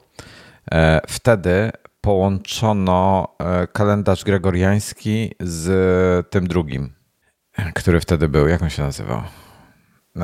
Juliański chyba? Nie wiem. Chyba z juliańskim, czyli rzymskim, jeżeli dobrze, dobrze pamiętam swoją historię. E, trik polega na tym, że one były przesunięte względem siebie, już nie pamiętam czy o 7 czy o 10 dni. E, niewiele, e, ale o ileś tam dni były przesunięte względem siebie. I teraz tak, dbałość o szczegóły. Kto dzisiaj potrzebuje e, ustawiać powiadomienie sobie w 1582 roku? Prawdopodobnie niewiele osób. Możecie jednak wejść sobie do kalendarza na waszym iPhone'ie, iPadzie, Macu, przewinąć do października 1582 roku i zobaczycie dni. Kalendarz będzie wyglądał w ten sposób. Jest pierwszy, drugi, trzeci, czwarty i potem jest 15, 16, 17 aż do 31 brakuje te, te, te dni, o które, były, o które miesiąc był przesunięty. I to jest do dzisiaj obecne w iOSie dbałość. Nie wiem, kto to dodał i kto pamiętał o tym, tworząc kalendarz, żeby w ogóle, a słuchaj, zróbmy to. E, to jest, to jest kosmos. E, cofnąłem się, mam screenshota, nie będę go tutaj publikował ani, ani tego, ani w opisie, ani nic, ale mam, zrobiłem screenshota, e, rzeczywiście działa to. Taka ciekawostka. Dobrze, Teraz mamy ciekawy temat dla Android userów. E, ostatnio gadaliśmy na temat e, iMessage e, i wygląda na to, że jest lepsza metoda, żeby mieć iMessage na Androidzie. Bezpieczna metoda. To się wszystko może zmienić. To jest płynny temat. Na razie wygląda na to, że jest bezpiecznie. Jest to dzięki takiej aplikacji, która się nazywa Beeper Mini. Nie wiem od czego zacząć. Czy, czy ty, ty chcesz od czegoś zacząć konkretnie? Mhm. Ja o Beeperze kiedyś słyszałem i wydawało mi się to bez sensu, że kolejny komunikator, który teoretycznie chce tam zjednoczyć jakieś inne, no ale wydawało mi się, że nie ma to żadnych możliwości, żeby faktycznie udało mu się zjednoczyć te inne komunikatory. No a tutaj się okazuje, że jednak może i cel jest taki, żeby docelowo zwykły beeper stał się, bo to jest tak, beeper mini w tej chwili nie ma wielu funkcji z głównego beepera. I docelowo główny beeper ma, mają przenosić wszystkie funkcje do wersji mini, aż w końcu wersja mini stanie się głównym beeperem. usuną z niej dopisek mini i wtedy to będzie ich główna aplikacja. I yy, no, chodzi o to, że wprowadzili obsługę iMessage z, za sprawą, odwrot, jak to się nazywa, odwrotnej inżynierii, yy, że tak jakby udało mi się mm, napisać prawie natywnie, można powiedzieć, e, iMessage. Yy, I E, no i ono działa, to znaczy da się zalogować na nim w sposób bezpieczny, nie podając swoich haseł, e, które później będą przetrzymywane gdzieś na maszynach wirtualnych, na jakichś makach w serwerowni, tylko po prostu się logujemy i faktycznie logowanie odbywa się mm, u nas. To znaczy, e, jeśli mamy dwustopniową autentykację, to Apple nas się zapyta, czy chcemy się zalogować, E, w lokalizacji takiej i takiej. I jako tą lokalizacja faktycznie wyświetla miejsce, w którym jesteśmy, a nie serwerownie oddaloną gdzieś tam nie wiadomo gdzie. E, czasami jest jakiś problem i wtedy można sobie wygenerować na stronie Apple'a tymczasowe hasło, takie jednorazowe i nim się zalogować. Mm, I generalnie jest to chyba polecane jako taka metoda najbezpieczniejsza. E, no ale działa. Po prostu mamy iMessage, który działa. Da się go też używać bez konta Apple'a i wtedy się komunikujemy chyba nie bezpośrednio z, no nie z iPhone'ami, tylko tam między innymi użytkownikami tego e, Beepera Mini. E, no ale najlepiej oczywiście wykorzystać pełny potencjał i zalogować się z e, swoim Apple ID. No i wtedy faktycznie wysyłamy wiadomości do użytkowników iPhone'a. Nie wszystkie funkcje są wspierane, bo na przykład iMessage ma tą integrację ze sklepem, gdzie można instalować różne takie jakby, nie wiem, wtyczki, e, ale no to tego nie ma ale reszta funkcji, tam nie wiem, wysłanie filmów, yy, zdjęć, te podstawowe rzeczy, naklejki działają. Yy, podobno w przyszłości ma też działać na przykład udostępnianie lo swojej lokalizacji. No i prawie wszystkie inne funkcje mają działać. Także dla użytkowników Androida niby super, ale jest to takie niepewne, bo Apple gdyby się uparło, to raczej może tą aplikację zaorać w moment, E, no pytanie, czy będą chcieli, bo to też, gdyby ją zaorali, to e, na przykład w Europie chyba Unia mogłaby się dowalić o monopolistyczne e, zabiegi. Mm, no nie, tutaj już trzeba by gadać z prawnikiem, bo teoretycznie oni chyba nie naruszyli żadnego prawa od Apple'a. Teoretycznie chyba wszystko jest legalnie w, Stanach, znaczy w, ja nie pamiętam już gdzie jeszcze, w Stanach e, reverse engineering jest legalne, w sensie nie mogą cię za to e, udupić. E, z tego, co oni się radzili z, z, z prawnikami, to nie łamią żadnego EULA, żadnego, żadnych tych, tych warunków um, użytkownika, więc powinno być ok pod tym względem. Generalnie rzecz biorąc, działa to trochę na zasadzie jak Hackintosh jeśli chodzi o system e, tego pierwszego logowania, czyli oni spufują jakieś, jakieś fejkowe urządzenie, czyli że e, jest zresztą jest na, na GitHubie, to jest tak, w ogóle e, użytkownik tej GitHuba, on jest, ja nie pamiętam jaką ma na imię w tej chwili, ksywkę ma JJTech 0130. On ma na swoje konto na GitHubie, on tam opublikował PyPush. To jest e, proof of concept, że to działa. Możesz to sobie uruchomić na swoim e, Macu i normalnie wysyłać SMS-y z timeline'a, e, z terminala i to po prostu działa bez problemu, tak? To korzysta z takiego pliku trochę jak się e, Hackintosha udawało, że będziesz miał, e, że masz jakiś tam komputer typu, wiesz, masz tak jak ja miałem tego swojego NLE Station, a spływałem, że to jest iMac. I tutaj, tutaj w ten sposób, to, to trochę na tej zasadzie działa. Musisz mieć jakiś tam numer seryjny i tak dalej, które są generatory tych numerów seryjnych, więc nie ma problemu. Potem się logujesz i logujesz się właśnie nie tak jak normalnie, jak, jak, jak wcześniej tego typu serwisy działały, że e, e, podawałeś swój Apple ID i login. I, I jakby to jest, e, inni robili analizę tego i wygląda na to, że to jest legitne. Tutaj te dane nie idą do twórcy oprogramowania, tylko one są wykorzystywane bezpośrednio, żeby się zalogować na usłudze Apple'a, czyli jakby nie trafiają w ogóle do dewelopera. I teraz tak, Beeper kupił ta, ta, tego, ten open source'owy projekt tego użytkownika JJ Tech i wprowadził go do tej swojej aplikacji właśnie Beeper Mini. Działa w zasadzie wszystko poza chyba wideo i czymś tam jeszcze, jakąś tam, a e, efektami pełnoekranowymi efektami, takimi e, jakieś to błyskawice, czy jakieś tam inne fajerwerki i tak dalej. To jakieś takie, to, to chyba nie działa, wszystko inne działa. No prawie wszystko, bo z tego rozwijanego menu tam później masz takie funkcje dodatkowe, jak właśnie to no. udostępnianie lokalizacji. Aplikacje no to, nie działają to, oczywiście. Tak, tak, no to to ma być dodane z czasem. Tak. I, i generalnie wygląda na to, że to jest, że to jest ok, e, że, że to jest, e, rzeczywiście działa tak, jak powinno. I no i to ciekawy jestem. E, jest, jest też dosyć długi artykuł, tutaj na 6 minut czytania z tego, co, co tutaj taki ta, ta strona podpowiada e, o tym, jak to dokładnie e, działa przez e, te APN, te, te push notification services i cieka, ciekawe, ciekawe to jest w każdym razie. Apple za bardzo nie może tego ubić, szczerze mówiąc, poza prawnie. W sensie mo mogą próbować ubić aplikację, ale nie mogą jej za bardzo zablokować. Przynajmniej nie widzę w tej chwili jak. Pewnie coś tam by byli w stanie wymyśleć ale ha, nie ubijają Hackintoszy. Nie wierzę, że, że e, to będą chcieli ubić. Nie w takiej formie. Chyba. No, ale Hackintosha jest ciężej ubić. Mm, tutaj wydaje mi się, że mogliby wprowadzić jakąś zmianę w kodzie, yy, przez którą wysypałyby się te iMessage nie, nieoficjalne. Z Hackintoshem no, co można zrobić z Hackintoshem? Nic, no bo to jest po prostu system operacyjny myśli, że to jest natywny sprzęt i ale, nie za bardzo ale oni, zablokować.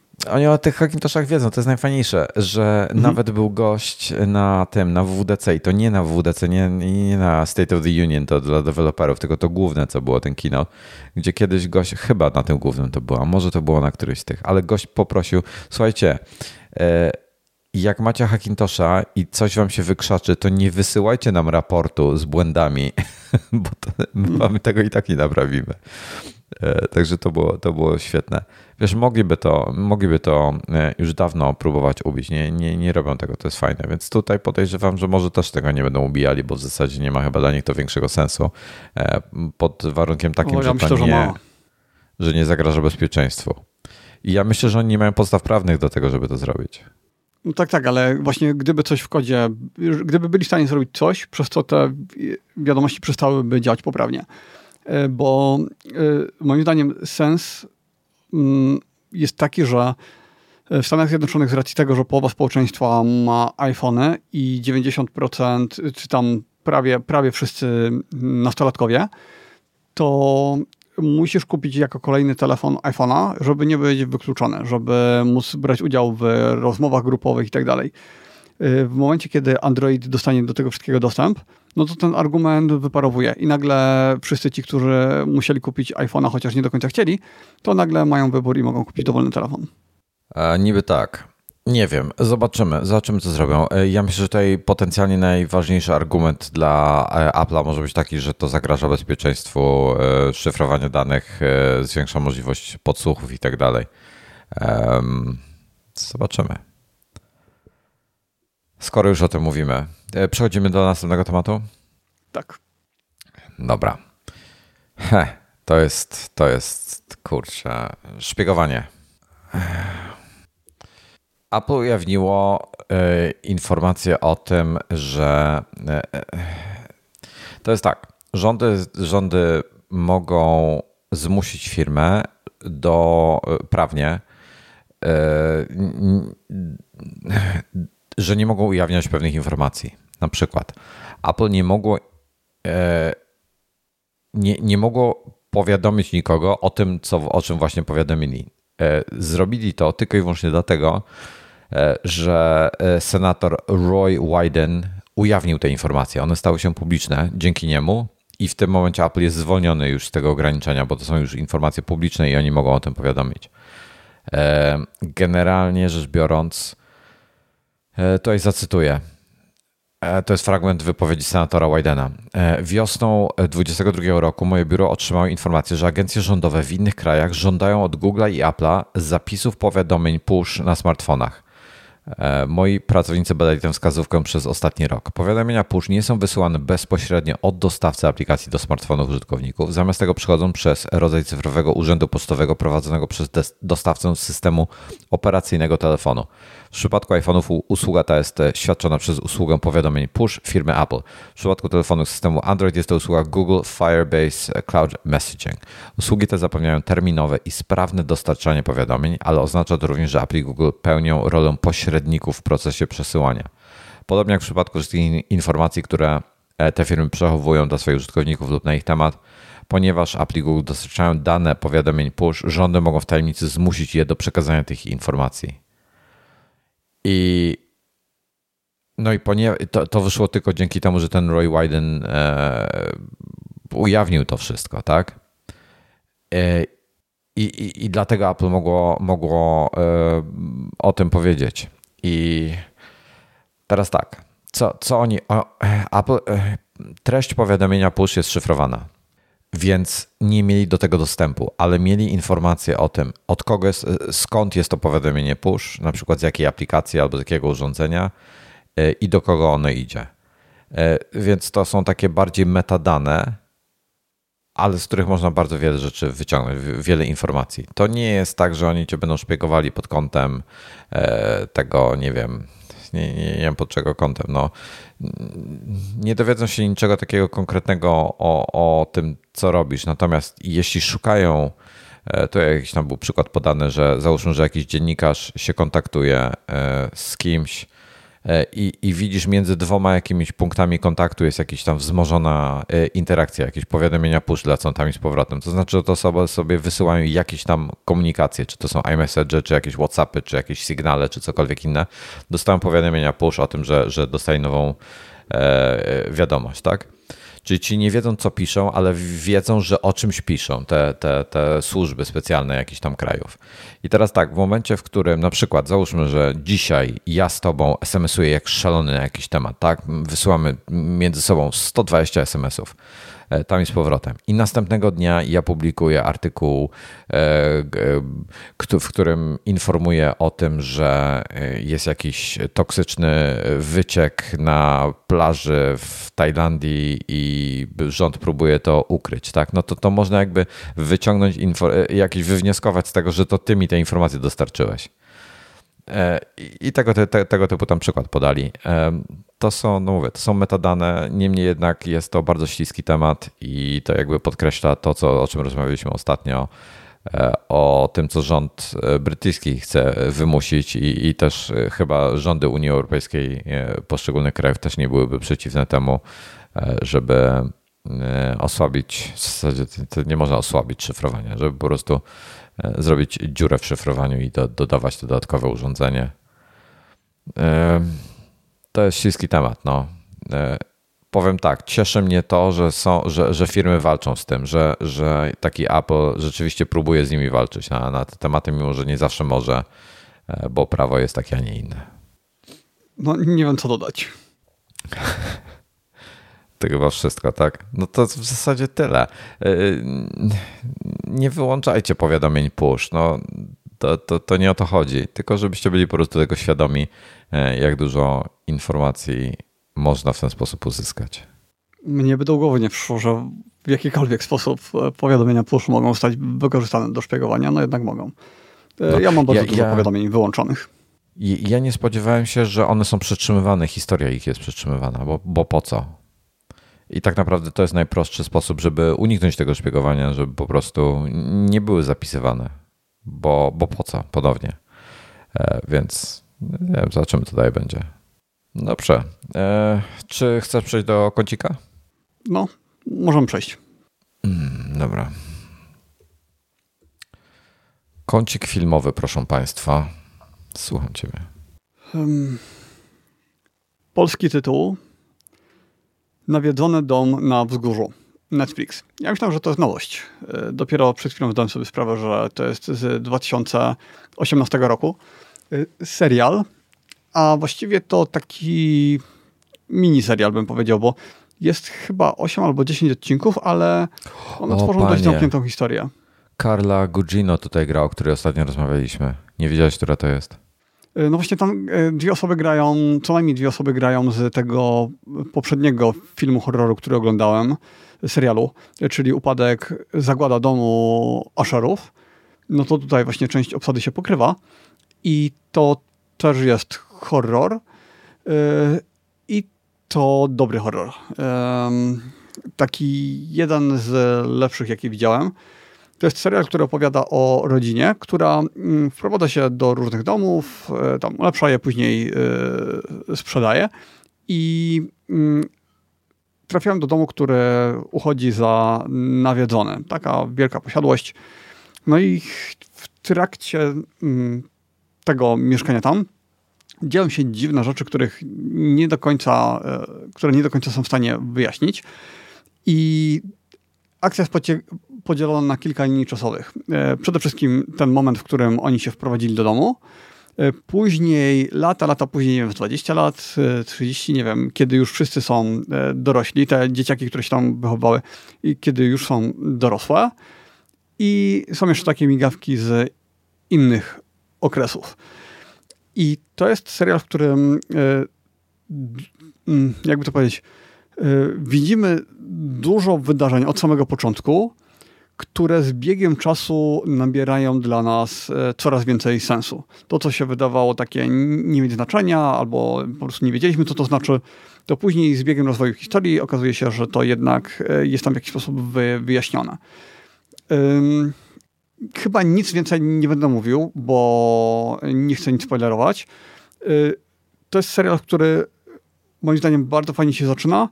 Ma taki drobny spadek w okolicy y, w okolicy jednego z pogrzebów, czyli gdzieś tam odcinek chyba piąty. Y, i później znowu wszystko wraca do, do formy. Bo to był taki moment, w którym trochę zwolniłem oglądanie i, i trochę mnie nudził momentami, ale później już wszystko wraca do, do normy i znowu jest e, bardzo ciekawy.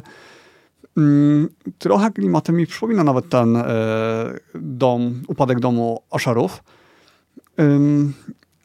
I to jest taki miks trochę tego domu Asharów z jakimś American Horror Story, czy po prostu z jakimiś klasycznymi horrorami co by powiedzieć, żeby zachęcić, a żeby nie zdradzić? Hmm. Godzina jakie on ma... Tak, yy, może sprawdzę jakie ma oceny. No 93% na Rotten Tomatoes, 8,6 na IMDB yy, i audience score 91% na Rotten Tomatoes. Yy, no czyli w skrócie są bardzo nikłe szanse, że zobaczycie to i wam się nie spodoba. Tyle.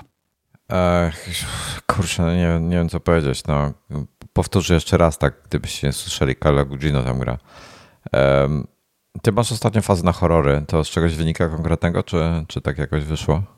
Mm, no, różnie, ale było, było niedawno Halloween, więc e, można to usprawiedliwić Halloween.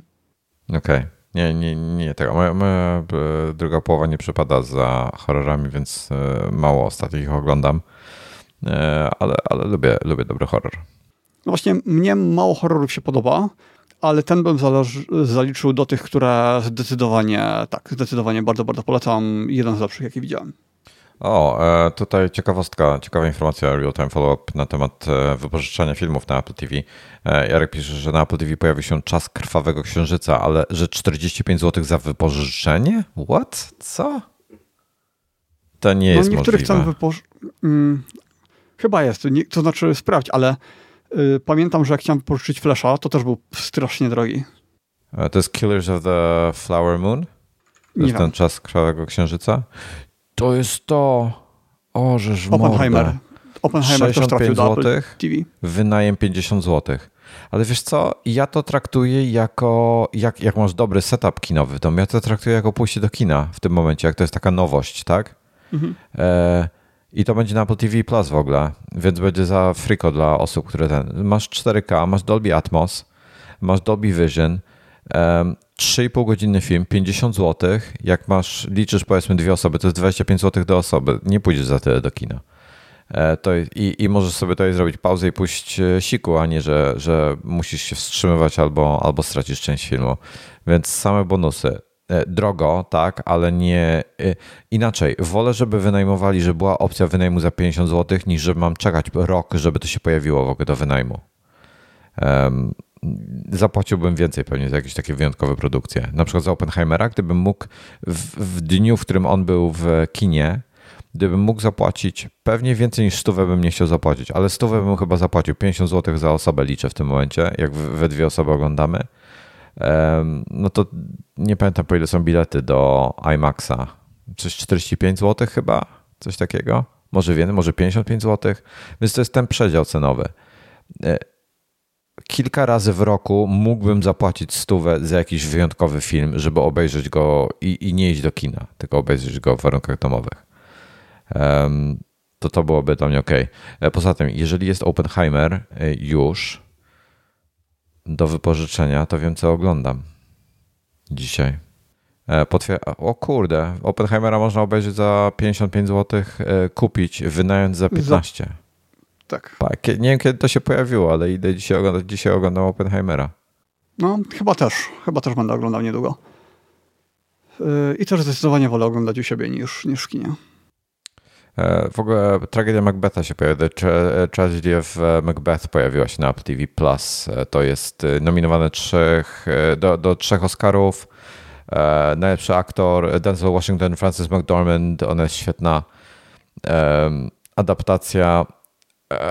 Jestem bardzo ciekawy tego i jest na Apple TV Plus, więc to też pewnie trzeba obejrzeć. Jest czarno-biały w ogóle, więc to może być super ciekawe. Ja mam jeszcze jeden film, który oglądałem. Escape no. Room z 2019 roku. Y, o, no, o Escape Roomie, czyli y, grupa osób, które się nie znają, dostałem zaproszenie do Escape Roomu, który jest uznawany za jeden z najciekawszych na świecie i jest bodajże tylko właśnie na zaproszenia. Mm, I wśród tych osób jest kilka takich, y, no pozornie przypadkowe osoby, Y, jeden fanatyk escape roomów, który robi je po prostu seryjnie. Escape room, jeśli ktoś nie wie, to jest taki pokój, w którym nas zamykają i my się mamy z niego wydostać.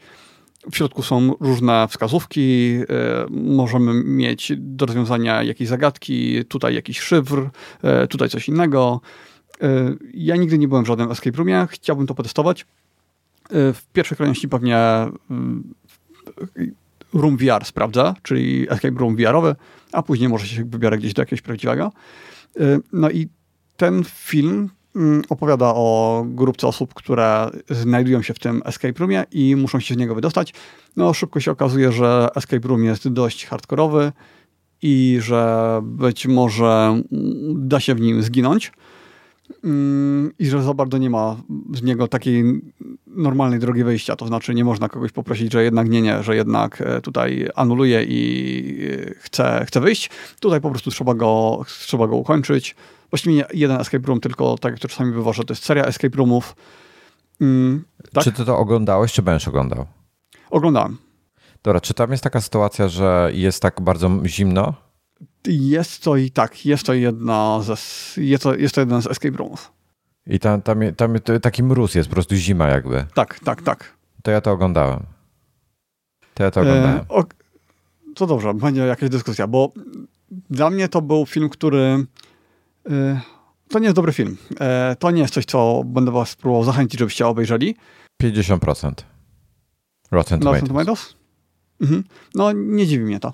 Y, natomiast y, jeśli nie ma nic ciekawszego do wyboru, to jest to ok. To znaczy, nie nudziłem się na nim. Oglądałem, było w miarę ok, w miarę dobrze spędzony czas. No ale w porównaniu do tego, jak dobre filmy y, dzisiaj są na streamingach, no to jest to jedna z gorszych pozycji, które oglądałem w ostatnim czasie. Jest to taki akcyjniak, że ciągle oni próbują się wydostać z tego escape roomu i mają na każdy z escape roomów dość mało czasu, więc jest napięcie, muszą się uwijać jak najszybciej. E, no jest też to ryzyko, że ktoś zginie, e, ale nawet jako akcyjniak to wychodzi to średnio. E, trzymam w napięciu bardzo tak sobie. Te postacie nie są też jakieś takie, żebyśmy się do nich super przywiązywali. Mm, więc taki bardzo przeciętny film, no ale jest na Netflixie, więc prawie jak za darmo. E, ja myślę, że to pamiętam, że to nie był, to, to, to, to, nie jest wybitny film. To nie jest wybitny film, mm. ale jak chcecie się trochę e, wyluzować, obejrzeć coś innego, trochę, trochę stresu mieć e, z tego, co tam się dzieje, to myślę, że warto, warto go rozważyć. Naprawdę warto go rozważyć, żeby go obejrzeć, bo jest inny. Po prostu jest, jest coś innego. Rzadko takie filmy. Nie wiem, czy pamiętasz taką mhm. serię filmów, e, były, chyba się Cube nazywał? E, widziałem pierwszą część Cube'a. Najlepsza chyba, e, ale warto potem obejrzeć. Któraś z kolejnych też była fajna. Już nie pamiętam, czy Cube Zero chyba. To, to, była, to był prequel jakby do Cube'a. To było ciekawe. Ale Cube chyba, to, to ja pamiętam, to ten film ma z 20 lat, jak nie lepiej, ten, ten mhm. To było bardzo unikalne podejście do, do nie, nie, nie, nie przypominam sobie tego, te, tego typu temat, ach Jezu, za dużo te, tego typu tematyki wcześniej. E, 26 lat, 97 20, No, no. To był w ogóle warty, ja go, i nawet dzisiaj go mogę polecić. To nie jest wybitne kino, od razu powiem, ale ciekawy, e, ciekawa koncepcja filmu, gdzie e, grupa osób znajduje się w takim sześcianie, z którego jest wyjść tyle, ile jest ścian. Domyślcie się, ile to jest. E, I jedno tylko z tych wyjść nie, nie, nie, ma pułapki, nie kończy się śmiercią. No i oni są w takiej gigantycznej budowli, która się składa z y, ogromnej liczby takich sześcianów, w których się znajdują takie pomieszczenia.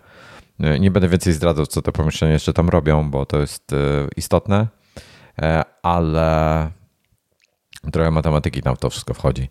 Um, fajny, fajny film. O, Jarek podpowiada, że Cube ma ciekawą historię, bo to było tworzone w małym studio w Kanadzie przy znikomym budżecie. I tego nie, nie widać nawet, szczerze mówiąc. Znaczy, w... Jest na Prime do obejrzenia tak? w Polsce. No proszę, tak. no, to, no to już na Prime możecie obejrzeć. E, Cuba wam, e, to ja, ja, go dopiszę, żeby, żeby dodać żeby dodać Opis Jest Prime, Amazon Prime. Już e, dodaję linka i będzie w opisie, to, to będziecie mogli sobie znaleźć. Jest to remake sprzed chyba dwóch lat, tak, z 2021 roku.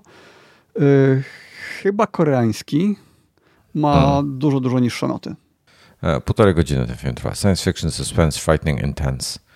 Japoński, e... ten drugi jest japoński. Hmm. Ten, w sensie ten odnowiony. Okej. Okay. Dobra, Prime Video e, dodaję linka, będziecie mogli sobie obejrzeć. E, polecam. Mm, on nie jest jakiś taki bardzo, to nie jest jakiś taki horror przerażający, że coś, e, ale polecę go dlatego, że jest właśnie tak podobnie jak Escape Room, to co, to co Escape Roomu nie mamy w tym, nie mamy w opisie, musimy dodać. Na czym oglądałeś, przypomnij? Na Netflixie. Na Netflixie, okej. Okay. Um, to ja, ja już znajdę. E, to właśnie ta koncepcja e, jest, e, jest inna, to, to jest niespotykana, dlatego, dlatego polecę. Polecę, żeby to obejrzeć, jak, jak tego typu tematyka Was interesuje, już znalazłem. Będzie link. Hmm, ja też. O, nie jest obecnie dostępny w Polsce. I tak dam linka, bo być może znajdziecie go gdzieś hmm. indziej, ale nie jest dostępny w Polsce według Netflixa, na którym jestem w tej chwili. Być może VPN-a macie. No. E, ten Escape Room mam wrażenie, że miał jakieś e, sequele. No, historia się kończy tak, jakby miał być sequel, więc yy, bardzo możliwe. A, jest, okej. Okay. Już uh, Escape Room Tournament of Champions 2021. Mhm. Więc jest jakiś sequel do obejrzenia. Dobra, sprawdzę od razu noty, czy jest coś lepsze. No, takie same, więc yy, jakoś specjalnie mnie to nie zachęca. No, ale skoro już zobaczyłem, to dwójkę też zobaczę. No, ja też chyba, chyba chwycę to, to, to, to, ten drugi film, też półtorej godziny trwa. Może będzie coś ciekawego. O, u mnie na Prime jest. Nie wiem jak w Polsce. Escape Room? Ten drugi, ten, tak, kontynuacja. E, dobra, szukam, żeby wam linki na Just Watchu. Najłatwiej na Just Watcha wejść po prostu i tam znaleźć. kończymy ten temat? No. Nie, nie ma nigdzie go w streamingu w Polsce. Jest do wypożyczenia tylko na Apple TV Plus po 10 zł. E, dobra, e, ja tylko, ja tylko przypomnę, że ja dalej robię rewatcha e, gry o Tron. Jestem chyba już na szóstym sezonie, piąty albo szósty sezon. Tyrion, kurde, nie, nie mogę, nie mogę mówić co Tyrion, ale Tyrion jest, jest najlepszy. po prostu, gdyby nie. A chciałbym teraz móc poprzeklinać. Pamiętasz, pamiętasz scenę może, ty oglądałeś, prawda? Całą grę o Tron. Tak, tak. Myślę, że prawie każdy oglądał. E, pamiętasz może, jak ona kupowała e, tą armię za, za wodą e, od tego gościa, który gadał po waleriańsku i przeklinał cały czas? Ta srebrnowłosa K i tam no, cały czas te, te wiązanki busza. Mniej więcej tak, tak. Uwielbiam tą, te, tego gościa po prostu. Uwielbiam tego gościa taki tak dobrze dobrany aktor do, do tej roli, tak świetnie to odegrał. To, to było super. Podczas oglądania tego nie zauważyłem, ale y, tej władczyni smoków, jak ona się nazywa, Daenerys czy... Daenerys Targaryen.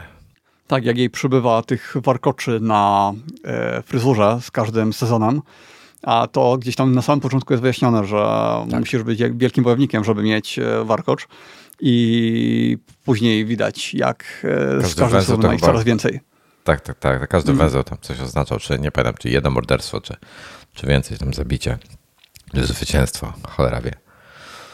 No, e, ale już się nie mogę doczekać. E, smoki już robią się coraz większe. W ogóle nie podoba mi się cała cały ten wątek, że ona tam przeczekuje ten, ten dosyć długi czas w Marine, e, gdzie te smoki tam są e, uwięzione i tak dalej. To jest takie to jest bez sensu zrobione, bo masz wrażenie, że to jest zrobione tylko po to, żeby akcja w, po drugiej stronie e, morza nadgoniła i, i żeby mm. to mogło się zgrać ze sobą. To jest, to jest zły timing. To, to mi się nie podoba. No, także, ale, ale kontynuuję. E, nie wiem, kiedy skończę. Jeszcze trochę tego odcinku zostało, ale coraz bliżej. E, to tyle chyba. Chyba, jeśli, chyba, że coś jeszcze masz. Mm, nie, no na dzisiaj to wszystko. E, ja miałem, miałem pogadać w sumie o tym, bo spędziliśmy ostatni e, tydzień w Lizbonie na odpoczynku. No, od, od, prawie, prawie się odłączyłem od internetu, w sensie nic nie czytałem, żadnych newsów specjalnie i tak dalej, i tak dalej. I tak, tak fajnie trochę się w końcu, bo już strasznie, zawsze jakie były jakieś takie wyjazdy, to były takie pracujące dla mnie wyjazdy. Cały czas coś na nich robiłem, w sensie byłem cały czas online, a teraz się tak trochę odciąłem i, i fajnie było. E, w Lizbonie znaleźliśmy taką e, e, chi, chińską knajpę podającą japoński ramen, która się nazywa Panda Cantina. Kurde, jakie dobre żarcie tam było. Takie tanie, jak, znaczy tanie, drogo, drogo jak na warunki polskie, natomiast jak na warunki lizbońskie to tanie. Ale takie dobre jedzenie, taką michę po prostu dużą z, z, tymi, z tym ramenem. Mm, pyszne. E, trochę, trochę mi się tak zachciało dzisiaj zjeść, ale dzisiaj, dzisiaj będzie Oppenheimer chyba. Nigdy nie rozumiałem, po co ludzie jedzą zupy, aż zacząłem jeść ramen. Polskich zup dalej nie rozumiem, ale mm. od ramenu byłem uzależniony przez długi czas. Każdego dnia. Mm. A jakie, jakie e, rameny są w Tajlandii, powiedz mi? E, są, są typowo japońskie, są chińskie? Jak, jak one się tam różnią między sobą? Zależy od kraju pochodzenia? Wszystkie. Jak byłem w Japonii, to wtedy jeszcze byłem nieramenowy, więc bardzo mało ich jadłem. I nie pamiętam, Ale jakie masz, były masz japońskie. japońskie rameny w Tajlandii? Takie japońskie, japońskie? No, wydaje mi się, że tak. Że, mm, są, bo są bardzo różne. Są też takie dostosowane pod rynek tajski, gdzie, czyli na ostro, albo na przykład ramen y, z tomiamem, o smaku tomiam. Y, co to, tej, co to jest? Słynnej, na, na, na tak, to wiem taka, co, ale tomiam co to jest? To jest taka bardzo słynna e, tajska zupa, chyba najsłynniejsza. Okay. I, no i ona jest ostra. Więc ten tom, e, ramen tomiamowy, tomiamowy smakuje zupełnie inaczej niż taki normalny ramen. Są też rameny po prostu ostre, ale na ogół ramen to jest po prostu ramen i jest robiony tak jak w Japonii, tak mi się wydaje, że delikatny smak, taki zupełnie nie jak tajskie zupy, tylko bardzo łagodny. E, ta, ta tutaj, ta, ta, ten chiński ramen e, był opcja, właśnie miałeś, mogłeś mieć łagodny albo ostry. Mm. No, ale fajne. W ogóle bardzo nietypowy lokal, bo miałeś wchodziłeś do lokalu i miałeś jeden długi stół, gdzie z dwóch stron można było siadać i, i, i to wszystko. I przy barze jeszcze można było usiąść, e, jakby bezpośrednio przy kuchni. E, natomiast był, był mała knajpka i tylko jeden długi stół. Tam się mieściło z 20 osób. I, no ale właśnie z ramenami, z ramenami to tak bywa, nie? że to są czasami takie właśnie, że wszyscy siedzą jeden obok drugiego i no. czasami to są takie jakby kabiny, że takie przedzielone są te siedzenia między sobą jakimś... E, A, tutaj nie, tu otwarte. Kawałkiem papieru, albo po prostu mm. tak, albo po prostu niczego nie ma. Tu mm, otwarte to i cały czas kolejka. w restauracjach. Mhm. To w Tajlandii to są po prostu zwykłe restauracje, ale takie typowo e, japońskie, gdzie siedzą i wszyscy jeden obok drugiego, to też już widywałem. Hmm. No. Um, co jeszcze, co jeszcze mogę? Y, będę do iMaga będę pisał o Lizbonie szerzej, bo e, bardzo fajne miasto kontrastów, takich trochę smutnych kontrastów momentami, ale ja pierwszy raz byłem w Lizbonie, nie, nie miałem jakiejś okazji, nigdy nie miałem okazji w ogóle w Portugalii być, bo poza Maderą, e, ale, ale kontynentalnej Portugalii nigdy nie byłem. E, pierwszy, pierwszy raz się wybraliśmy tak zupełnie przypadkowo i bardzo, bardzo chwalimy sobie. Super. E, codziennie 15 km pieszo robiliśmy po mieście. E, rewelacja. E, polecam jakby co więcej będzie w styczniowym iMagazine pewnie na ten temat. W dziale podróży. Kończymy na dzisiaj? Mhm. Dziękujemy Wam wszystkim e, bardzo. E, tutaj właśnie padło, ja, ja musimy, musimy to Tomasz zapisać. Tutaj padło w komentarzach przed chwilą, zanim się pożegnam, jeszcze jedną rzecz powiem. E, przed końcem roku chciałbym, żebyśmy się zastanowili nad jakimś dla nas filmem roku może. W zeszłym roku to chyba robiliśmy też. Nie, zrobimy tak jak rok temu. Po prostu w, styczniu, pod, w styczniu podsumowanie całego roku okay, pod względem dobra, dobrze. technologicznym, filmowym, każdym. Okej, okay, okay, dobrze, tak zrobimy. To, to, to będzie w styczniu. I dziękujemy Wam za towarzystwo, dziękujemy Wam za lajki, e, dislajki e, i, i wszystkie inne rzeczy, komentarze, e, towarzystwo i tak dalej, bo to bez Was by nie miało sensu. I co? I jeszcze zanim się pożegnamy, zerknę w kalendarz, żeby Wam dać mniej więcej informacje o tym, jak będzie nasz rok wyglądał w tym, w sensie nagrania. I chyba z tego, co patrzę w kalendarzu, pięknie nam wy, wypada w tym roku. Tak, za, chyba, że ty masz, jakieś ograniczenia. Jak ja patrzę, za tydzień 15 e, mogę, 22 e, raczej również, e, ale pewnie krócej niż bym chciał. 29, czyli to jest ten przedwigilijny odcinek. Potem mamy 29, to jest przed Sylwestrem dwa dni, nie ma problemu. I potem w styczniu mamy 5-12, mam E, mam dostępne. No u mnie I... z tym 15 nie wiadomo jak, ale reszta raczej ok. Powiem tak, że pierwszy raz y, nagranie odcinka nagryzionych, jeżeli nagramy w tym, y, w tym dniu, to wypadnie w moje urodziny. Nie powiem kiedy, ale wypadnie w moje urodziny. Także no, tyle. Tyle lat nagrywania, tyle odcinków i pierwszy raz tak się zdarzyło. Dziękujemy. Do zobaczenia.